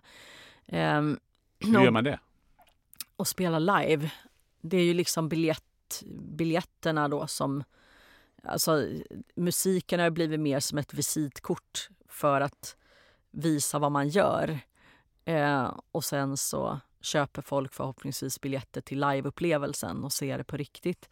Eh, och det där är också en jätteintressant diskussion för jag fick frågan för inte så länge sedan om vad jag tycker om allt det här med AI och Um, och det är väl lite samma sak, att det, det är både bra och dåligt. Jag tror att för vår bransch väldigt specifikt så kan det nog vara bra. Liksom, eller så här, jag tror inte det kommer påverka så mycket därför att vi kommer eh, fortfarande vilja, och gå, vilja gå och se saker live, saker som är på riktigt. Um, och det blev också väldigt tydligt under pandemin, även om det var liksom väldigt mycket som var jättedåligt under själva pandemin så eh, tycker jag ändå att man liksom, det blev väldigt tydligt att eh, digitala eh, ers, alltså, och- e, och ersätta live-upplevelsen digitalt går inte. Eh, utan för att du ska få den här riktiga upplevelsen då behöver vi mötas live i ett rum. Och där är det också otroligt eh, viktigt att publiken vet om hur stor del av föreställningen de är. Ni sitter inte framför tvn hemma utan ni kan... Den, den stämning som publiken skapar påverkar det som händer på scenen väldigt mycket. Hur då? Eh, Berätta. Ja, men alltså man känner, när du står på scen så känner du om du har publiken med dig. Om, om publiken är, är liksom intresserad, peppad. Alltså så här, man känner det. Eh, och då, alltså om publiken ger energi till oss på scen så får publiken så mycket mer tillbaka. Det är jätte, alltså, eh, det finns absolut gånger när man liksom har gjort en, eh, spelat sin, eller sjungit sin låt eller gjort sin scen och så kommer man av scen för ett kostymbyte och bara herregud vad trögt det är. Det känns som att vi liksom springer eh, uppförs, alltså vi har uppförsbacke idag. Liksom. Och liksom artisterna sliter och sliter och sliter för att känna att man får med sig publiken. Eh, och sen finns det gånger när, när man känner från liksom start att publiken är med. Man, alltså jag kan inte förklara det. Det är klart du kan höra det på, på applåder och så, men det är en energi i rummet. Liksom. Eh, och när man känner att publiken är med, då blir artisterna peppade. Alltså tänk er som en tävlingshäst. Liksom. Alltså, men hur, hur, hur märker du det? Alltså applåder är ju en sak, det är ganska tydligt. Men, men just det här, är det, är det blickarna du ser där nere? Vad är ja, det alltså, för ja, du märker? Men till att börja med måste man vara medveten om, som jag sa, att man sitter inte hemma framför tvn. Vi ser er mycket mer än vad ni tror. liksom. eh, så att sitta och pilla med mobilen eller göra någonting annat under föreställningen, det tar väldigt mycket energi från oss på scen om vi märker att ni istället sitter och liksom eh, är, alltså man känner att intresset är där. Det är ju blickar, det, det har med liksom det är svårt att säga exakt vad det är, men man märker när publiken är intresserad. Liksom. Eh, och då får vi energi. Eh, och det tror jag, man måste vara jätte... Alltså ibland skulle jag liksom vilja, du vet, verkligen säga till publiken, och nu har jag ett tillfälle här i din podd, Alltså att ni påverkar det ni får tillbaka från scen. Och det finns ett ganska nyligt exempel. Eh, Beyoncé hade premiär på sin nya världsturné i Stockholm. Eh, och sen fick ju den svenska publiken kritik av henne efteråt för hon tyckte att det hade varit för dålig stämning i, i eh, arenan. Eh, jag var inte där så jag kan inte svara på det men den svenska publiken kan ju vara lite försiktig om man jämför med kanske en sydländsk publik eller så. Eh, och eh, ska man ge så mycket energi som Beyoncé gör i en sån föreställning, då behöver hon också energi från publiken. Det är ett utbyte. Eh, så att som sagt, vi sitter inte framför tvn och liksom kan pyssla med annat, och så, utan har du köpt en biljett för att gå på en liveupplevelse då har, är, finns det ändå någon typ av överenskommelse om att vi gör det här tillsammans. Sen är det vårt jobb på scenen att leverera, absolut. Men ni kommer få det där lilla extra från oss om ni också är med. Liksom. När har du eh, känt, vilka tillfällen, har du några exempel på när du har känt liksom att wow, Ja, men, här, här, ja, är, ja, ja. här är liksom hela Många publik. gånger, många gånger. Men alltså mitt starkaste liksom så här, nyliga exempel det är ju Kristina från Duvemåla på Dalhalla. Mm. När man kände liksom redan första entrén, liksom när eh, alltså, orkestern kommer ut och sätter sig kören kommer ut och Anders Elias kommer ut. Man känner hur hela publiken vibrerar, applåderar så fort hon kommer ut. Och liksom när Marianne Mörk kom ut och skulle börja lä alltså läsa historien, hon var ju berättare i föreställningen. Min första entré som Kristina när jag kommer in i Duvemåla hage och publiken börjar applådera. Man känner att de, är, de tycker det här är minst lika spännande och ro, alltså så här, de är exalterade. Det här ska bli roligt och spännande. Och då ja men alltså, det är ju magiskt för det är ju det, den energin vi skapar tillsammans mm. i det ögonblicket som är upplevelsen för alla. Liksom. Eh, så att... Eh, för jag tänker ja. att du, du har gjort, eh, ja men du sa att... Många föreställningar. Ja, du gjorde många föreställningar. Man gör åtta i veckan i Tyskland. Ja. Är, är det, kan du känna skillnad? Ja, men oh, ja. Tisdagen var det där och på fredagen var det, nej, det var inget bra. Ja, ja, ja, ja, absolut. Man känner, och det, man känner det väldigt snabbt. Från liksom, man kan känna det bakom scenen. Liksom. Är de med eller inte? Det kan, det kan ha med sålet i salongen att göra. Det kan ha med... Eh, alltså, när en föreställning startar så om publiken är med, alltså applåderar liksom när föreställningen går igång, då vet man att de är exalterade och liksom, nu kör vi. Liksom. Men är det helt tyst i salongen så vet man att nu blir det en trög, trög kväll. Liksom. Eh, så att, eh, och, ja, och man kan märka, man märker skillnad på eh, Ibland märker man skillnad på en matiné och på en kvällsföreställning. För till kvällsföreställningen har de hunnit dricka ett glas vin. och Nej, är liksom- det bra eller dåligt? det är off, om de inte har druckit för mycket. Alltså just när det gäller musikal så är det ofta bra tycker jag, för då har folk slappnat av lite. Eh, när det gäller rockkonserter vet jag inte, då kanske de har druckit för mycket. Men liksom, du vet så här, när folk liksom har fått ta ett glas vin och bara nu ska vi gå och ha trevligt och bli lite avslappnade och ty- liksom så här, det, blir en bra stämning liksom. Sen har vi haft några av våra absolut bästa föreställningar på matinéerna också. Så det är jättesvårt att säga vad det är. Men publiken har väldigt stor egen påverkan på vad det är de får tillbaka. Jag har ju redan nämnt eh, Bruce Springsteen, men eh, Mm. sist han var på Ullevi, så, eh, sista konserten, så klev han ju ut inför 66 000 där, eh, där, man hade, där alla hade varsin stort plakat som satt på Mhm. läktaren. Och så vände man upp det och så, skrev, så, sa man, så stod det Welcome home Bruce Springsteen and the E Street Band. Nej, vad fint! Eh, och det var han nog inte riktigt medveten om innan. Nej. Så man kan tänka liksom att, att kliva ut inför en sån, ja. en sån publik, det måste vara extremt peppande. Ja, för att då vill du också leverera det bästa du Mm. någonsin... Alltså, det är ju så. Vi är ju någon slags tävlingsmän. Alltså förstår du, det är ju en, en sån... Vi vill ju bli omtyckta. Vi vill ju att ni ska klappa händerna och tycka att det är bra. Och ju mer ni gör det, desto mer kommer vi ge för att vi vill ha det mer. Det är ju som en drog liksom. Eh, så att jag, jag får ju rys på armarna nu när du berättar det där. För vilken jäkla grej Mm. och få kliva ut till det. Och bara så här, det är klart att han måste ha känt att helvete vilken bra konsert jag ska göra nu. Eh, Men jag tänkte på det just eh, på, på Ullevi eller ut så stora, så stora arenor. Mm. Skulle man kunna ha Kristina från Duvemåla på Ullevi? Eh, ja, i konsertformat så skulle man absolut kunna göra det. Eh, kanske inte fulla musikalen, för att jag tror att det det är väldigt svårt att göra liksom alla talade talscener och liksom skådespeleri. Det blir ingen närhet i det. Och, Eller säg så här, finns det musikaler man skulle kunna sätta upp på, Mm. på Ullevi? Ja, det tycker jag.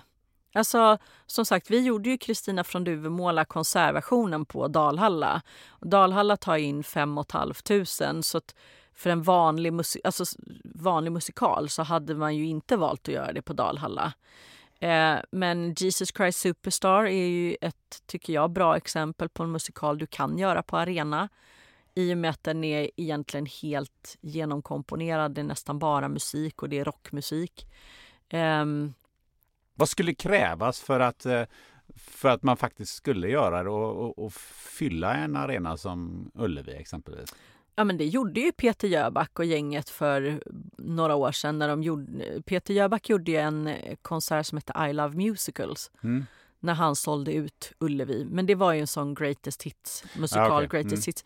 Ehm, men eh, nej, men jag tror inte att... Alltså, det, det handlar väl om att välja rätt musikal och sen rätt eh, artister. Liksom. Eh, jag tror absolut att man skulle kunna göra Les Misérables konsertant på Ullevi med liksom full symfoniorkester och en massa bra eh, musikalartister. Liksom. Vad känner du själv att kliva ut eh, på, inför Ullevi-publiken? Nej, men det hade varit jättekul i rätt, eh, alltså i rätt form. Liksom. Eh, jag hade inte velat göra, alltså jag hade inte velat göra eh, en full musikal som jag sa med, med repliker och liksom på Ullevi. Jag tror inte att det hade gjort sig så bra. Men som sagt, Kristina från Duvemåla, konsertversionen, absolut. Eh, Les Misérables konsertant tror jag ha- hade funkat. Vi har ju till, alltså vi har tillräckligt många musikalintresserade människor i Sverige också för att det skulle vara fullt rimligt faktiskt. Ja, det har varit coolt. Mm. Nu har vi pratat om, om en massa eh, framgång och bra grejer. Du har ju gjort fantastiskt många, många grejer och kan man ju, det kan man ju kolla på om inte annat på din, på din hemsida. Jag är som eh, Forrest sida. Gump. Sa du? Jag är som Forrest Gump tänkte jag ja, säga. precis. Jag har gjort Nej, lite men, allt möjligt. eh, Mm. Ja, det var massa. eh, Du har 200 framträdanden i huvudrollen eh, i, på Phantom of the Opera, va? Mm, bland precis. annat då. Mm. Eh, och det har varit helt fantastiskt. Men vad gör du när det inte är så eh, fantastiskt? Grinar. Nej jag ska. Eh, vad gör jag då? Nej men Eller har du någon sån upplevelse så att absolut. det här var det här och det berodde inte på att publiken var seg och trög? Nej, och men här? alltså... alltså, Nej, men jag gjorde bland annat gjorde jag en föreställning i Tyskland för många år sedan som hette Tenoritas. De hade satt ihop... Eh, idén var väldigt bra. Alltså, så när jag gjorde audition så tyckte jag att det var en jättekul idé. För Den gick ut på att de eh, hade satt ihop tio eh, kvinnliga artister som var väldigt olika. Liksom, eh, en skådespelare, en rocksångerska, en musikalsångerska, en operasångerska, någon som läste dikt. Alltså väldigt så här, blandade. Eh, och skulle liksom göra typ som en eh, krogshow, om du tänker typ Börsen. Eh, av det här. Så själva idén och hur de sålde in det var jättecool, tyckte jag. Och så fick jag jobb i den föreställningen. Men sen blev liksom inte föreställningen bra. Alltså det var ju något som skulle skapas fram under repetitionerna och, och vi landade liksom inte i ett bra resultat. Det kan ju hända. Liksom. Eh, jag skulle kunna rada upp alla fel jag tyckte som gjordes under den resan men slutresultatet var inte en bra föreställning. Eh, och då behöva stå där och göra det i x antal månader när man känner att Det är dåligt från första Ja, början. att det här är liksom, man vet redan, alltså så här, att det här är inte en bra föreställning men jag måste gå ut och göra det. Det är jättejobbigt. Det är jätte, jättejobbigt. Hur tog du dig igenom det? Nej men du måste ju, alltså mitt jobb är ju ändå att leverera så bra jag kan i mina delar liksom. Um, så att återigen, the show must go on. Du gör ditt jobb och du liksom, jag känner ingen artist som skulle gå in och bara liksom inte göra ett, alltså alla gör sitt bästa för man vill, man vill göra bra ifrån sig, man vill göra ett bra jobb. Men ibland så landar liksom inte alla pusselbitar på rätt plats. Och så, du vet, du kan liksom inte... Vissa saker går inte att rädda hur bra du än är individuellt. Liksom. Om vi går lite vidare, hur, hur kom du eh, från att du gjorde alla de här eh, musikalerna som artist till att du faktiskt skulle starta ett eget produktionsbolag? Mm. Nej men alltså det var ju lite grann en slump. Eh, jag satte mig aldrig ner och liksom, du vet, gjorde en affärsplan eller bara nu ska jag starta produktionsbolag. Utan det var ju, jag hade jobbat eh, väldigt länge utomlands, både med musikaler och skrivit egen musik som jag vann mycket priser för och turnerade med. Och, eh, och sen flyttade vi hem till Sverige måste ha varit 2014, 2015. Där Var bodde du innan? Eh, vi bodde i Rumänien. I Rumänien? Mm, Min exman är född i Rumänien, men han är uppvuxen i Sverige. Lång historia kort, så han är, är IT-entreprenör och var med och startade upp Blocket.se, bland annat. Eh, och när de hade sålt Blocket till Schibsted så fanns det en konkurrensklausul i det avtalet att han inte fick göra någon liknande startup, eh, alltså liknande verksamhet i Sverige och en hel massa andra länder. Men Rumänien fanns inte med eh, i det och då vi, ville han eh, starta upp motsvarande Blocket i Rumänien. Eh, och, eh, så att då flyttade vi till Rumänien i ja, drygt fem år. Så min son är född i Rumänien faktiskt. Pratar du rumänska? Nej, jag gör inte det. Mina barn gör. Men eh, det är ju för att farmor och farfar och liksom stor del av släkten pratar rumänska. Att, Ba- Bara en parentes här, hur, hur, hur var det att bo i Rumänien? eh, väldigt speciellt, skulle jag säga.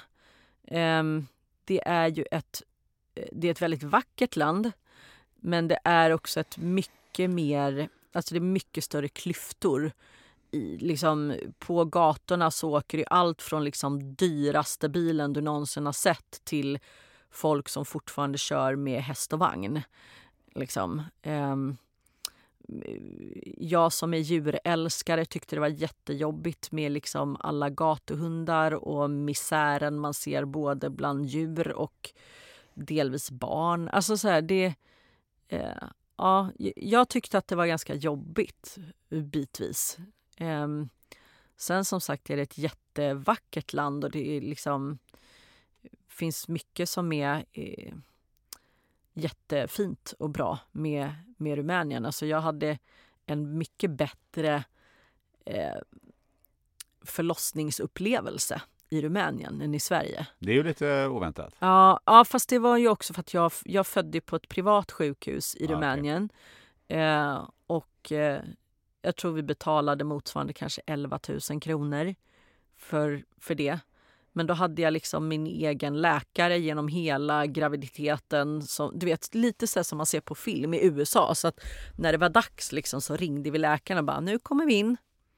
Alltså i Sverige får du ju liksom åka in och så är det de sköterskor, de som är där och så byter de folk hundra, hundra gånger tänkte jag säga. Nej men liksom massa gånger under eh, förloppet och så här. Här hade jag liksom min människa. Jag hade en egen narkosläkare som såg till att jag liksom inte hade speciellt ont. Och, så det var en jättefin upplevelse. så. Men det är ju ingenting som kanske är, eller det är inte tillgängligt för gemene man i Rumänien. Så, men för mig personligen var det en jättefin upplevelse.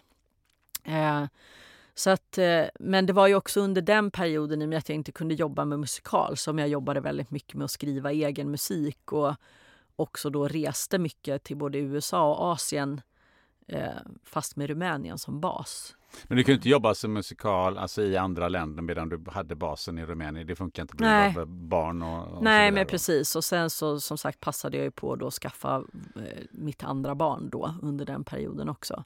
Så att eh, då var det mycket skriva egen musik och, och liksom jobba med det.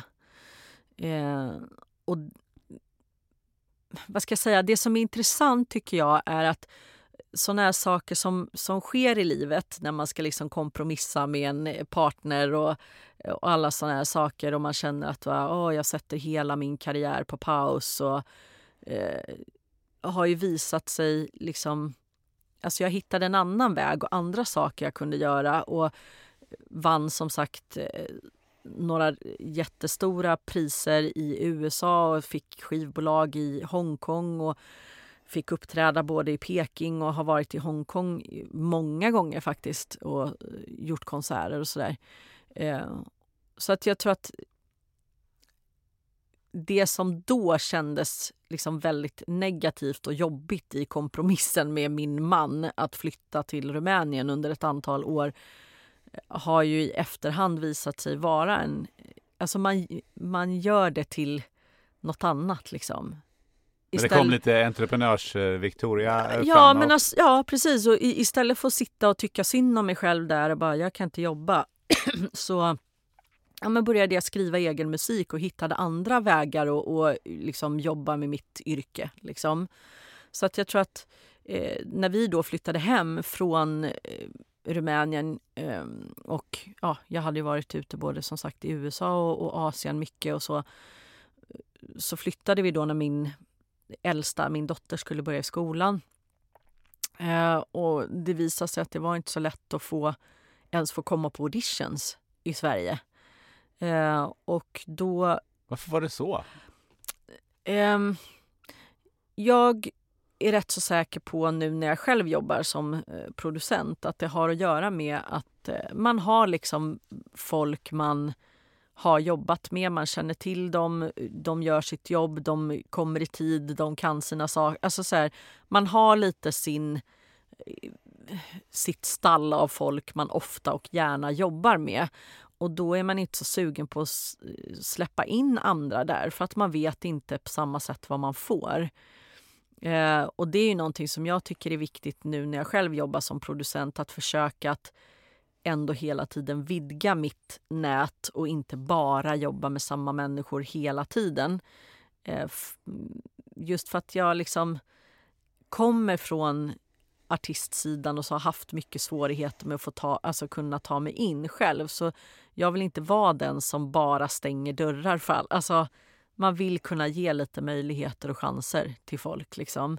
Men sen är det ju så här, ibland ger man någon en chans och så blev det skitjobbigt för att den människan kanske inte kommer i tid, inte kan sina saker, har liksom olika problem alltså så här, som går ut över produktionerna och som jag måste hantera. Och det, det blir väldigt jobbigt. Så det är klart att det är enklare då att anställa någon som jag har jobbat med i flera år och vet att hon eller han alltid gör det de ska, är superbra på scen, glada, härliga. Och jag, alltså så här, det finns en anledning till att liksom man jobbar med vissa människor ganska ofta. Eh, och det är ju för att man klickar och att man jobbar bra ihop. Liksom. Men var det alltså att du hade varit utomlands och att det ja, small inte så högt? Är man i USA och, och, och Nej men och de kände och inte mig liksom... liksom... De visste inte vem jag var. Eh, och då, ja jag tror det. Eh, och så att det, ja, det var jättesvårt och då valde jag att eh, gå min egen väg och så hyrde jag Bärvaldhallen för att göra en musikalkonsert. För jag tänkte att jag behöver göra någonting stort för att folk ska märka att jag finns. Liksom. Så det var egentligen meningen att det bara skulle bli en enda konsert. Och sen så har det utvecklats till, liksom, och nu var en av Sveriges mest framgångsrika eh, turnéer. Alltså det är ju som Diggiloo, vi återkommer varje år med ny repertoar, lite nya artister och turnerar varje höst liksom i uppåt 30 konserter runt om i hela Sverige. Men starten var liksom en enda konsert på Berwaldhallen. Och så det kan man säga, det var ju starten på Tocca Entertainment också, det som nu är mitt produktionsbolag. Men liksom men, men, men måste ja, bara, men för att svara på din fråga, alltså ja. starten var, det var inte meningen att jag skulle starta produktionsbolag. Förstår vad jag menar? Du hade inget jobb, du hyrde Berwaldhallen ja, och så, exakt. alltså det, det, så kan vi sammanfatta det hela. Det är ändå, ja. vi ska, ändå de som inte... De Riskanalys som inte... hörni. Det jobbar vi inte med här. Nej jag skojar. Nej men jag tänker Bärvallhallen, okej okay, det är 1300 ja. pers. Ja. Det är inte gratis att hyra. Nej det är korrekt. Eh, eh, och så här, det, det, är ju lite vågat eller eh, ja, coolt hur man nu ser det. Ja, eh, både och. Eh, vissa tyckte nog att det var helt galet. Och, eh, men och där skulle jag vilja säga att ibland är det eh, bra att vara lite naiv och lite dum, tänkte jag säga. Alltså att man inte vet bättre. Förstår du? För att eh, hade jag vetat hur mycket jobb det skulle bli med alla de här grejerna så hade man kanske inte vågat. Men när du väl har liksom satt i bollen i rullning, då måste du liksom ta dig i mål. Förstår du? Då kan du inte hoppa av. Liksom. När tåget går, går det. Och, och på ett sätt så var det jättebra. För när jag väl hade liksom skrivit på avtalet och hyrt Berwaldhallen då är det ju bara att jobba för att det faktiskt ska bli bra. Um, och vi sålde ju ut Berwaldhallen faktiskt. Uh, den, för den första konserten vi gjorde. Uh, så att det var...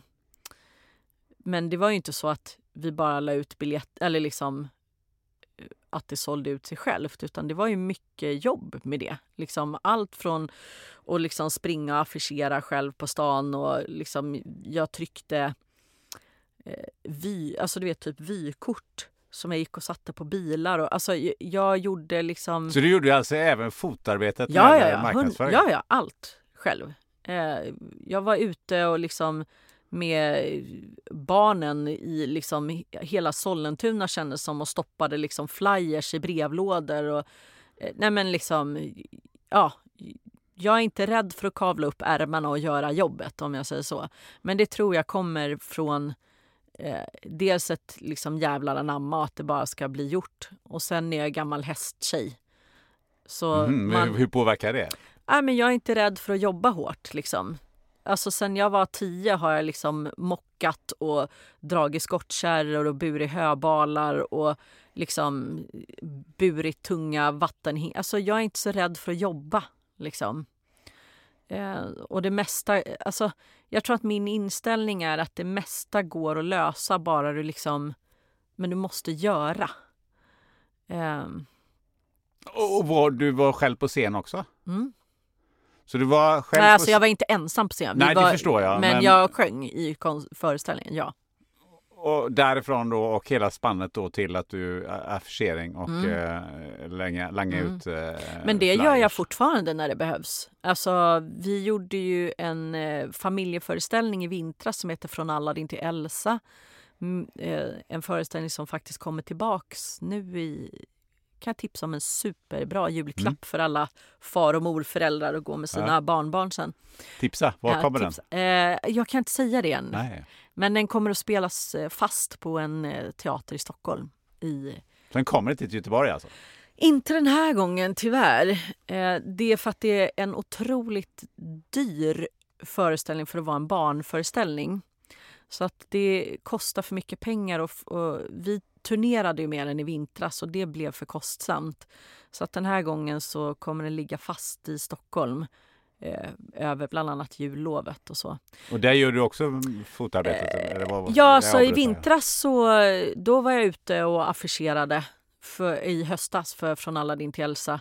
Alltså jag har ju ofta liksom affischer eh, och en häftapparat och tejp i bilen. Så att om jag ser ställen där jag kan affischera så då kan jag stanna bilen och gå och häfta upp affischer eller tejpa. Eller, och ibland gör man någon runda med barnen på stan. Och, alltså, ja, alltså jag gör fortfarande allting men inte hela tiden, för det har jag inte tid med. Men eh, absolut, jag... Samma sak när det gällde Jesus Christ Superstar på Dalhalla. Så där satt jag och fixade med stora delar av scenografin själv. Eh, med den, hemma, medan jag liksom satt och pratade i telefon eller eh, med lurar på eller så. Så kan man liksom göra två saker samtidigt. Så att, eh, nej men absolut. Jag, jag gör mycket fotarbete och eh, saker själv. Jag kan sy kostym själv eller sy på paljetter på kläder själv. Eller liksom, sånt kan man ju göra du vet, medan du tar telefonmöten. Eller, så här. Man spar lite tid, man spar lite pengar. Tänk Ingvar Kamprad, han liksom åkte bussen fortfarande fast att han liksom var en av Sveriges rikaste män. Jag är långt ifrån Sveriges rikaste kvinna men, men, eh, men jag tycker också att det är, är kul att vara involverad i många delar. Liksom. För att hela... Alltså de produktioner jag producerar och mitt företag, det är min bebis. Liksom.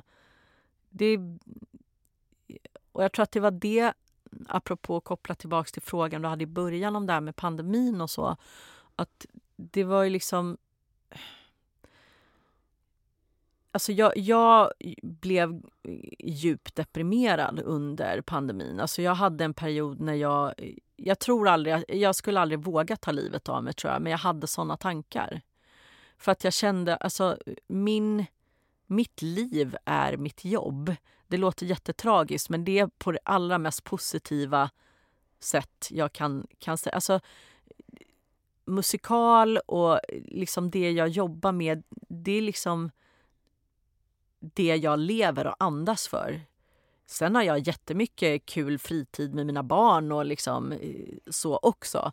Eh, så att det är inte så att jag... Men jag är ju någonstans... Jag känner väldigt sällan att jag jobbar, om jag säger så. Eh, För att jag tycker att det är så vansinnigt roligt.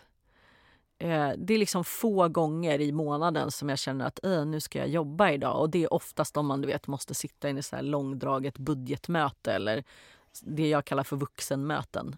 liksom. Vuxen. Vuxenmöten.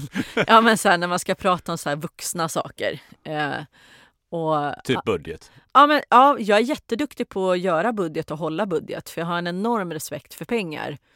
Men jag tycker inte att det är speciellt roligt. Alltså så här, det är ju roligare att vara kreativ i liksom... Du, ja, men du vet. Eh, jag sa häromdagen också till någon eh, när man inte står på scen själv heller utan man liksom får sätta ihop hela pusslet nu och bara ska jag ha den sångerskan och så ska hon sjunga det här och så kan hon ha de här kläderna. Alltså det är som att leka dockhus nästan. Alltså förstår du? Det är som att vi leker hela tiden och skapar fantastiska saker liksom. Och sen får man titta på det när det liksom kommer till liv på scenen och man bara, alltså jag hade en sån eh, otrolig upplevelse på Dalhalla förra året när Jesus Christ Superstar hade premiär då. Det är en föreställning som vi har repris på i sommar faktiskt. Så är man sugen på att uppleva Dalhalla så kan jag rekommendera Jesus Christ Superstar. Ehm, men att stå där, för det var en av de första så här, riktigt stora föreställningarna jag har producerat som jag inte heller stod på scen i. Utan verkligen bara stod vid sidan och fick se typ min skapelse komma till liv. Liksom. Det var en otroligt stark upplevelse. Och bara så här, få titta på, alltså det här, vi har gjort det här. Och det är ju inte bara jag, det är enormt många, men, men liksom att vi, har, vi gjorde det. Vi, alltså det händer nu. Och publiken står upp och ger stående ovationer och bara skriker efteråt. Alltså då sprutade ju tårarna liksom. Som på Lille Skutt typ. Alltså, nej men det var helt fantastiskt att få stå vid sidan och bara men du vet, så här, när man har gjort någonting som man är otroligt stolt över. Det kan ju bara vara liksom att du har målat staketet runt ditt hus och bara shit vad fint det blev. Förstår vad jag menar? Mm. Alltså när du har skapat någonting själv. Det är därför tror jag folk blir så otroligt kära i sina barn. För att bara, den kom från mig. Liksom. Så här. Nej men du vet, det är häftigt när du har gjort någonting. Alltså kan inte du känna så? så här, när du tittar nu, så här, jag, du har gjort 150 avsnitt av din podd. Liksom. Du, är ändå, alltså förstår du, har skapat mm. det. Nej, men det, kan inte du ibland känna så här, shit, jag, ja, det här har jag gjort? Det, liksom. det, är väl, det är väl därför som, eh, som du och jag är entreprenörer. Ja, alltså, vi, alltså det är lite man, och det, det, jag kan känna igen mig lite grann i det här med Berwaldhallen. Alltså, mm. eh, jag kom också hem till Sverige efter att ha bott utomlands några mm. år och, och, gjort något helt annat. Men jag ville jobba inom reklambranschen. Det hade jag gjort innan när jag stack utomlands också. Ja. Och kom tillbaka. Det är, det är sån här 500% ränta, du vet det här i början på 90-talet. Det här är, eh, och, så, och så ville jag jobba på reklambyrå. Vad gör mm. man då? Ja, man startar en egen reklambyrå. Ja. Alltså, jag vill jobba, jag vill intervjua sådana intressanta personer som dig och alla andra som jag har träffat. Mm. Eh, för jag tycker att det där med intervjuandet det är nog någonting som jag ska hålla på med. Ja, men ja. Vad gör man då? Ja, men då startar man väl en egen podd då? Ja, exakt. Ja, men man får skapa sina egna möjligheter ju. Och, och, så, och så blir ja, det är klart att man, eh, att, att det, när man tittar tillbaka så är det ju så här, ja, men även om en del saker har gått åt skogen så är det ändå så. Man, det gör det för man, alla. Ja, alltså, verkligen. Och jag tror att det är precis det som är grejen. Att är man eh, räddare för att misslyckas än att man ser liksom möjligheterna, då ska man nog inte vara entreprenör. Alltså då är man inte entreprenör. Jag tror entreprenörer, vi är inte så rädda för att misslyckas för vi lär oss all, alltså jag känner att jag lär mig saker. Alltså jag har, har inte lärt mig så mycket om någonting nästan som när det har gått dåligt med något. Förstår du vad jag menar? Sen lär du dig massa saker när det går bra också men det är liksom du kan alltid lära dig någonting. Du kan alltid bli bättre. Du kan alltid liksom ta nästa steg framåt. Liksom. Men jag kan känna sam samtidigt också att när man gör de här grejerna så är det också fantastiskt att ha människor runt omkring en som fångar upp en när det, när det kanske inte går så bra. Eller som mm. kan liksom, som, så det finns ju rätt många runt omkring mig som, som och särskilt min fru då, som mm. alltså som har betytt otroligt mycket för att jag har kunnat göra det här. Det hade jag inte kunnat göra själv. Nej, nej men så är det ju absolut. Familjen betyder jättemycket. Och, eh, liten shout-out till min ex-make Stefan Tocka också. Otroligt duktig, kompetent eh, entreprenör och företagare som även om vi är skilda idag betyder jättemycket för mig och eh, liksom han, han kommer alltid vara del av min familj. Han är pappa till mina barn och vi har en bra relation. Och liksom, när jag har eh, ja, men funderingar kring företagandet kanske eller liksom, så ringer jag gärna honom och bollar och sådär. Eh, mina föräldrar och... Nej men så här, man, det är klart att, att man måste ha bra människor runt omkring sig. Ingen är liksom superstark helt ensam. Men sen så beror det väl på liksom i vilken eh, ja, men, i vilken form liksom, de kan, kan hjälpa till. Alltså min mamma kan ju inte göra så mycket tänkte jag säga för att hjälpa mig mer än finnas där och vara min mamma. Liksom. Alltså förstår vad jag menar? Det finns alltid någon att prata med. Eh.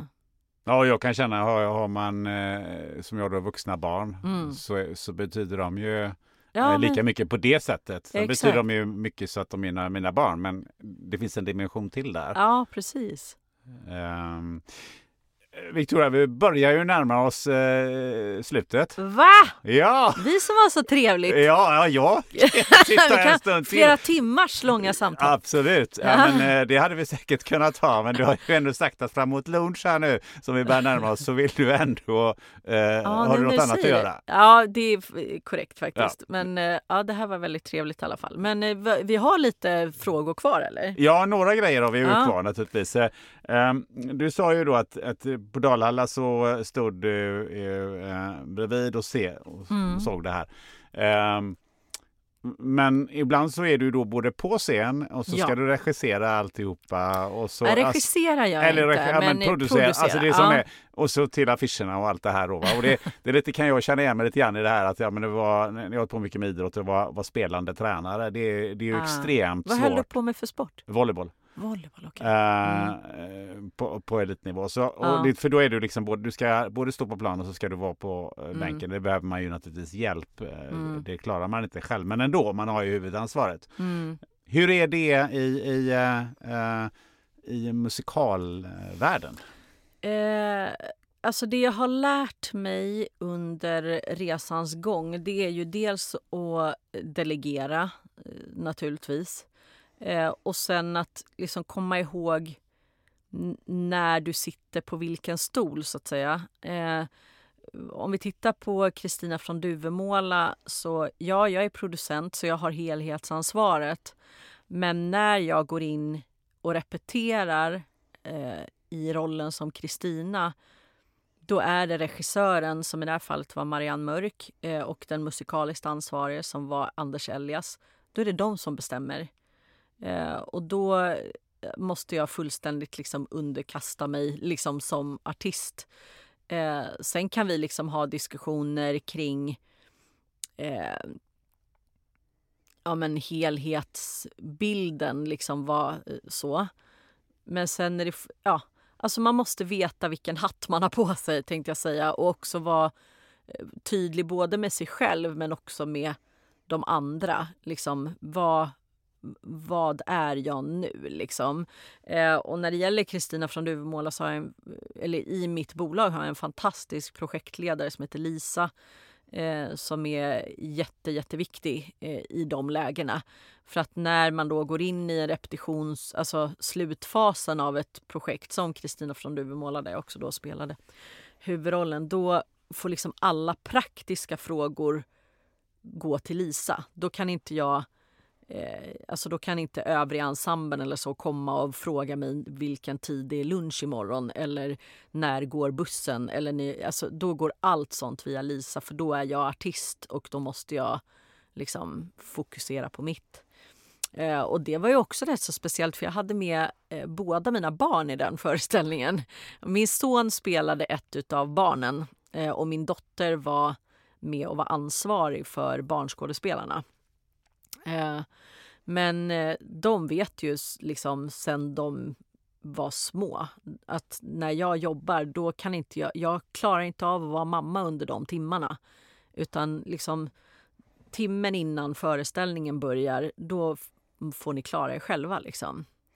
Eh, och under föreställningen, kom inte till mig då. Det går inte. Utan de timmarna, den stunden, då är jag fullständigt i min Kristina-bubbla. Um, och, och man måste bara vara tydlig. Liksom. Sen kan jag vara mamma igen. liksom.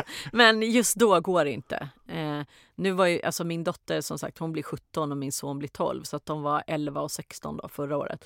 Eh, så de var ju ändå tillräckligt stora för att förstå det. När de var mindre då var ju eh, min man, numera exman, väldigt viktig i det läget. Att liksom du, kan, ba, du tar bort dem. Liksom. Den här stunden går det inte. Jag kan inte vara mamma nu. Liksom. Men jag funderar på det. eh, Du pratar om att de här affischerna och sen står du själv på scen och sen Mm. så har du dessutom eh, produktionsansvaret. Ja. Eh, hur stort kontrollbehov har du eh, egentligen? Ehm, alltså, jag skulle säga att det är både och. Jag har ett stort kontrollbehov naturligtvis eftersom det är jag som står som slutlig ansvarig. Pengarna måste in, biljetterna måste säljas, kvaliteten måste vara tillräckligt hög och så vidare. och så vidare. Men eh, jag har genom åren blivit mycket, mycket duktigare på att delegera och också omge mig med människor som jag litar på. Eh, ja, men jag jobbar just nu med en fantastisk regissör och koreograf som heter Åsa Engman som gör våran Jesus Christ Superstar. Eh, hon, alltså, eh, tack vare att vi hade ett, eller fick så bra kontakt och gjorde ett så bra arbete ihop under Jesus Christ så kommer vi jobba ihop i flera produktioner längre fram. Där vet jag att jag, jag kan släppa hela den bollen till henne. Men du blir inte splittrad eh, eh, när du väl ska upp på scen och göra din grej? För det, det, det, det pågår mm. inte någonting där bak i Nej. bakhuvudet någonstans att undrar eh, och biljetterna Nej. och allt det här? Nej, då måste du släppa liksom. Eh, nej, och det är det jag menar att jag, jag eh, när jag för mig så är det så att när jag går in i min loge och börjar förbereda mig för föreställning. Alltså, och för mig är det att man börjar liksom sminka sig, eh, fixa håret om du ska på med en peruk eller vad det nu kan vara, kommer i kostym och så vidare. Alltså, där går jag in i min bubbla. Och från den stunden, liksom, då finns ingenting annat. Eh, då kan vi inte hålla på med andra tankar eller andra... Eh, och det är liksom en... Eh, Alltså alla funkar olika. Vissa, vissa artister behöver springa omkring och prata med folk och få energi av att vara ute bland alla andra. Liksom. Men det där, så har det funkat för mig ända sedan alltså jag var yngre. Men jag, alltså jag kommer ihåg under Phantom of the Opera-tiden så liksom ensemblen hade en större loge där de satt tillsammans och det var alltid liksom mycket skratt och glädje och roligt, massa ljud från den logen medan jag satt själv i min loge i min Kristinlås och liksom gick in i min bubbla och mitt fokus. Liksom. Så alla har sin... Alltså jag tänker att det är samma för idrottare också. Alla har sin uppladdning liksom innan det är dags för tävling eller föreställning eller vad det är. Liksom. Vissa lyssnar på musik, vissa måste stänga in sig, vissa vill springa omkring. Alltså jag, alla har sin uppladdning. Liksom. Men nej, när jag ska in och eh, prestera, för det är ju det det handlar om faktiskt så då är, ju, är det fullt fokus på bara den grejen. Men det går ju också bara om du har väldigt mycket bra människor runt omkring dig som alla gör sin del av jobbet. Så att eh, eh eftersom jag tycker att jag om, har generellt omgett mig med väldigt mycket bra människor som är jätte, jättebra på, på sina jobb så eh, har jag liksom, tycker inte jag att jag haft något problem med att kunna separera just liksom de delarna från varann. Så det är ju såklart att eh, eh alla blir nyfikna på att se dina produktioner. Några som har lyssnat på det här har säkert ja, sett dem också. Men, ja. men jag skulle också vilja veta när, när, när kan man få se dig på eh, scen eh, igen? Och då menar jag inte bara i sommar, eh, för då tror jag att du är i... i eh... Nej, i sommar... Är, alltså i år gör jag väldigt lite på scen. Okay. Gör Alls. du någonting på scen i år? Eh, jag ska åka och göra en jättestor konsert i Litauen i, okay. i juli. Dit kanske man inte åker. Eh, nej, egentligen ingenting stort i år.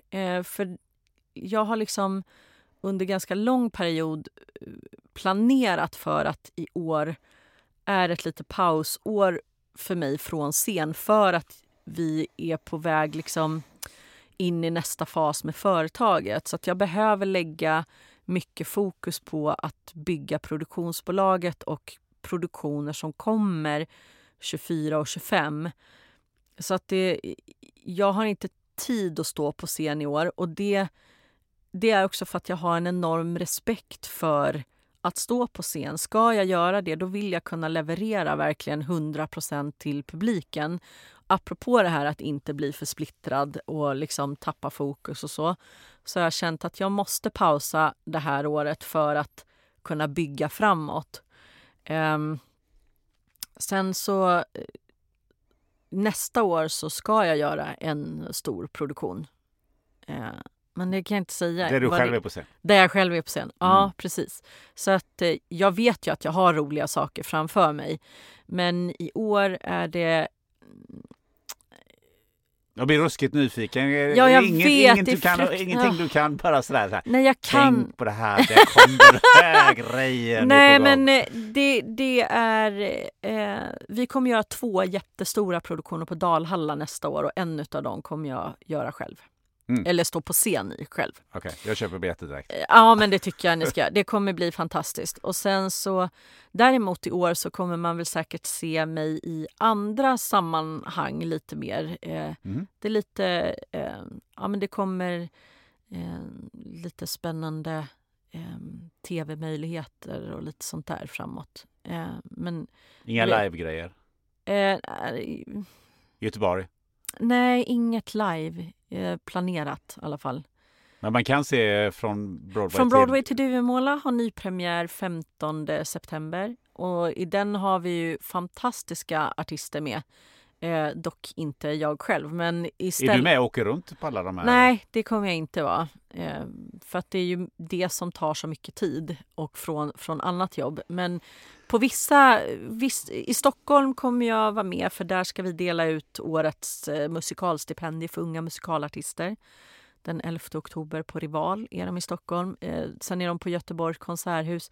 Alltså från Broadway till Duvemåla turnerar ju liksom verkligen från Ystad, Malmö i söder upp till Luleå eh, i norr. Eh, och, eh, men vi, ja, vi har jätte, jättebra artister med i år faktiskt. Så att, alltså, jag hörde dem, de hade sitt första rep för några veckor sedan.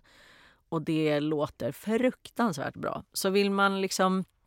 I år har vi också mycket, vad ska jag säga, så här superklassiska musikaler med i programmet. Så det är liksom både Phantom of the Opera och Les Misérables. Och, ja, men det är väldigt mycket så stora musikallåtar i årets program. Förra året var lite rockigare musikaler, även om vi hade annat också. Men vi brukar göra så att beroende på vilka artister som är med så formar vi programmet väldigt mycket utifrån dem.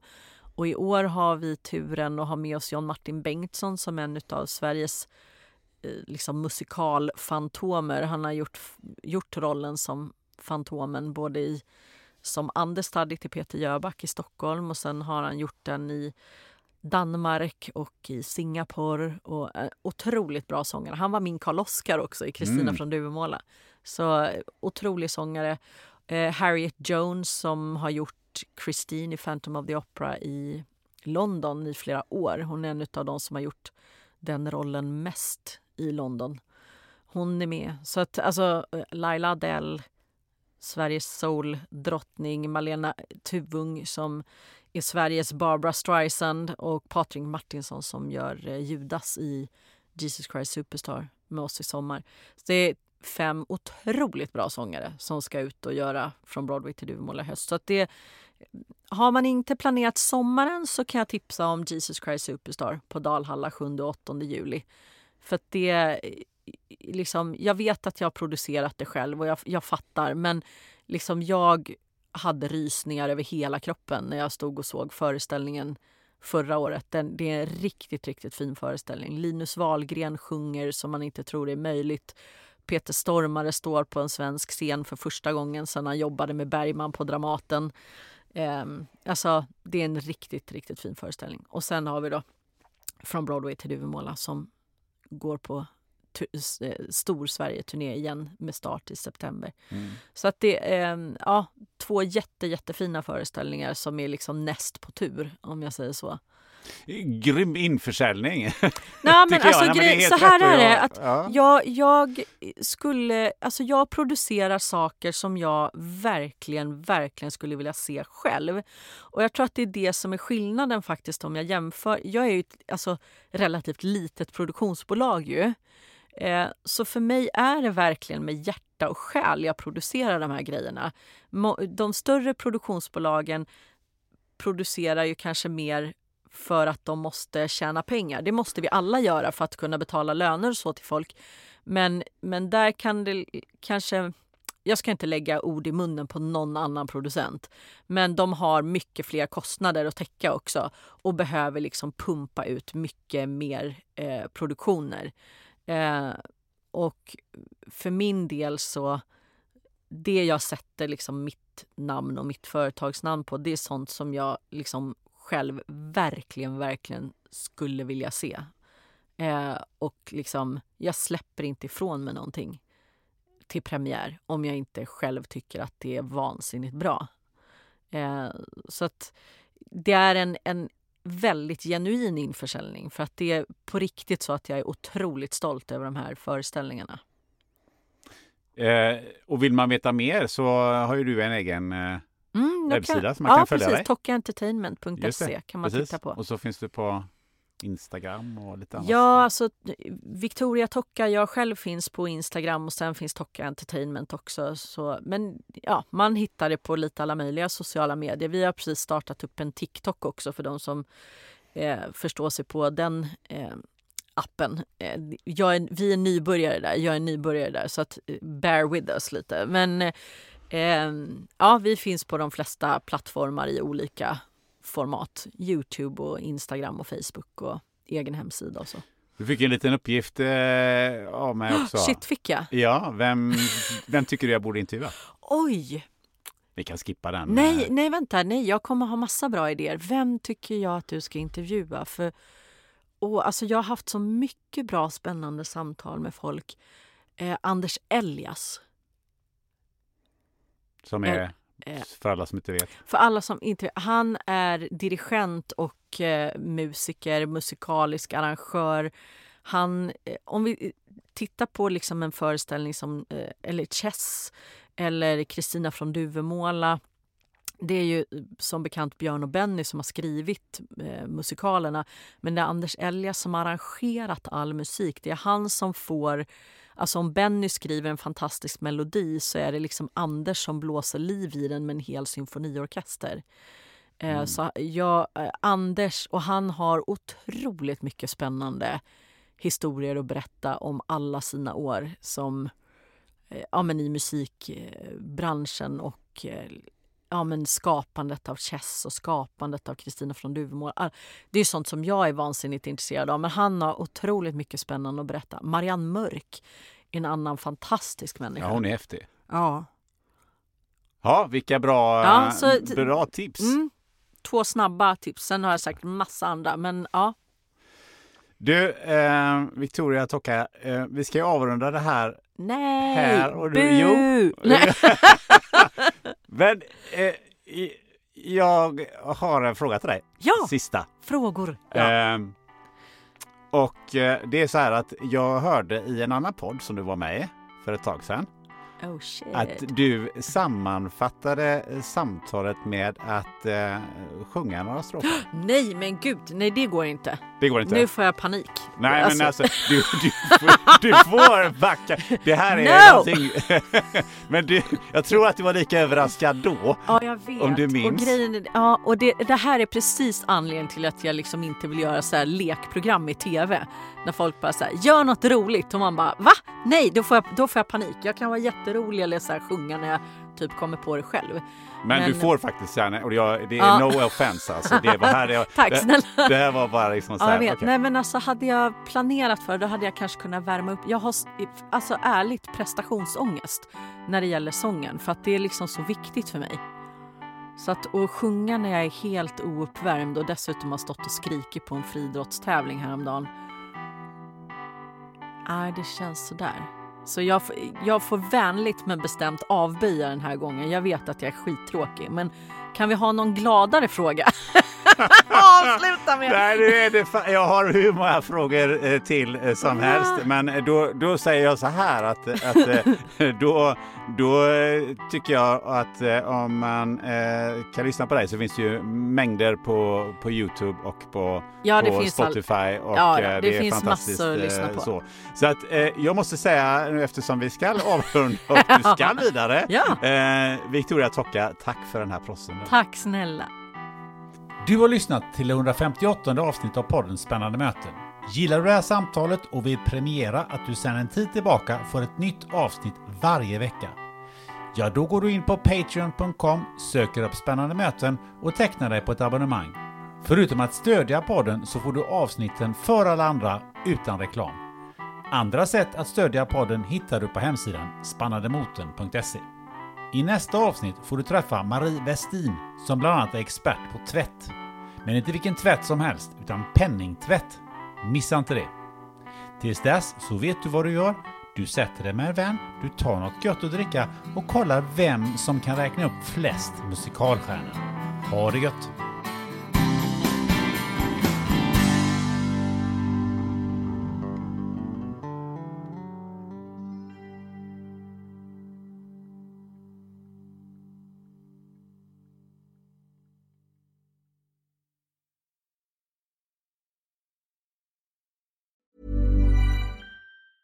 Tired of ads barging into your favorite news podcasts?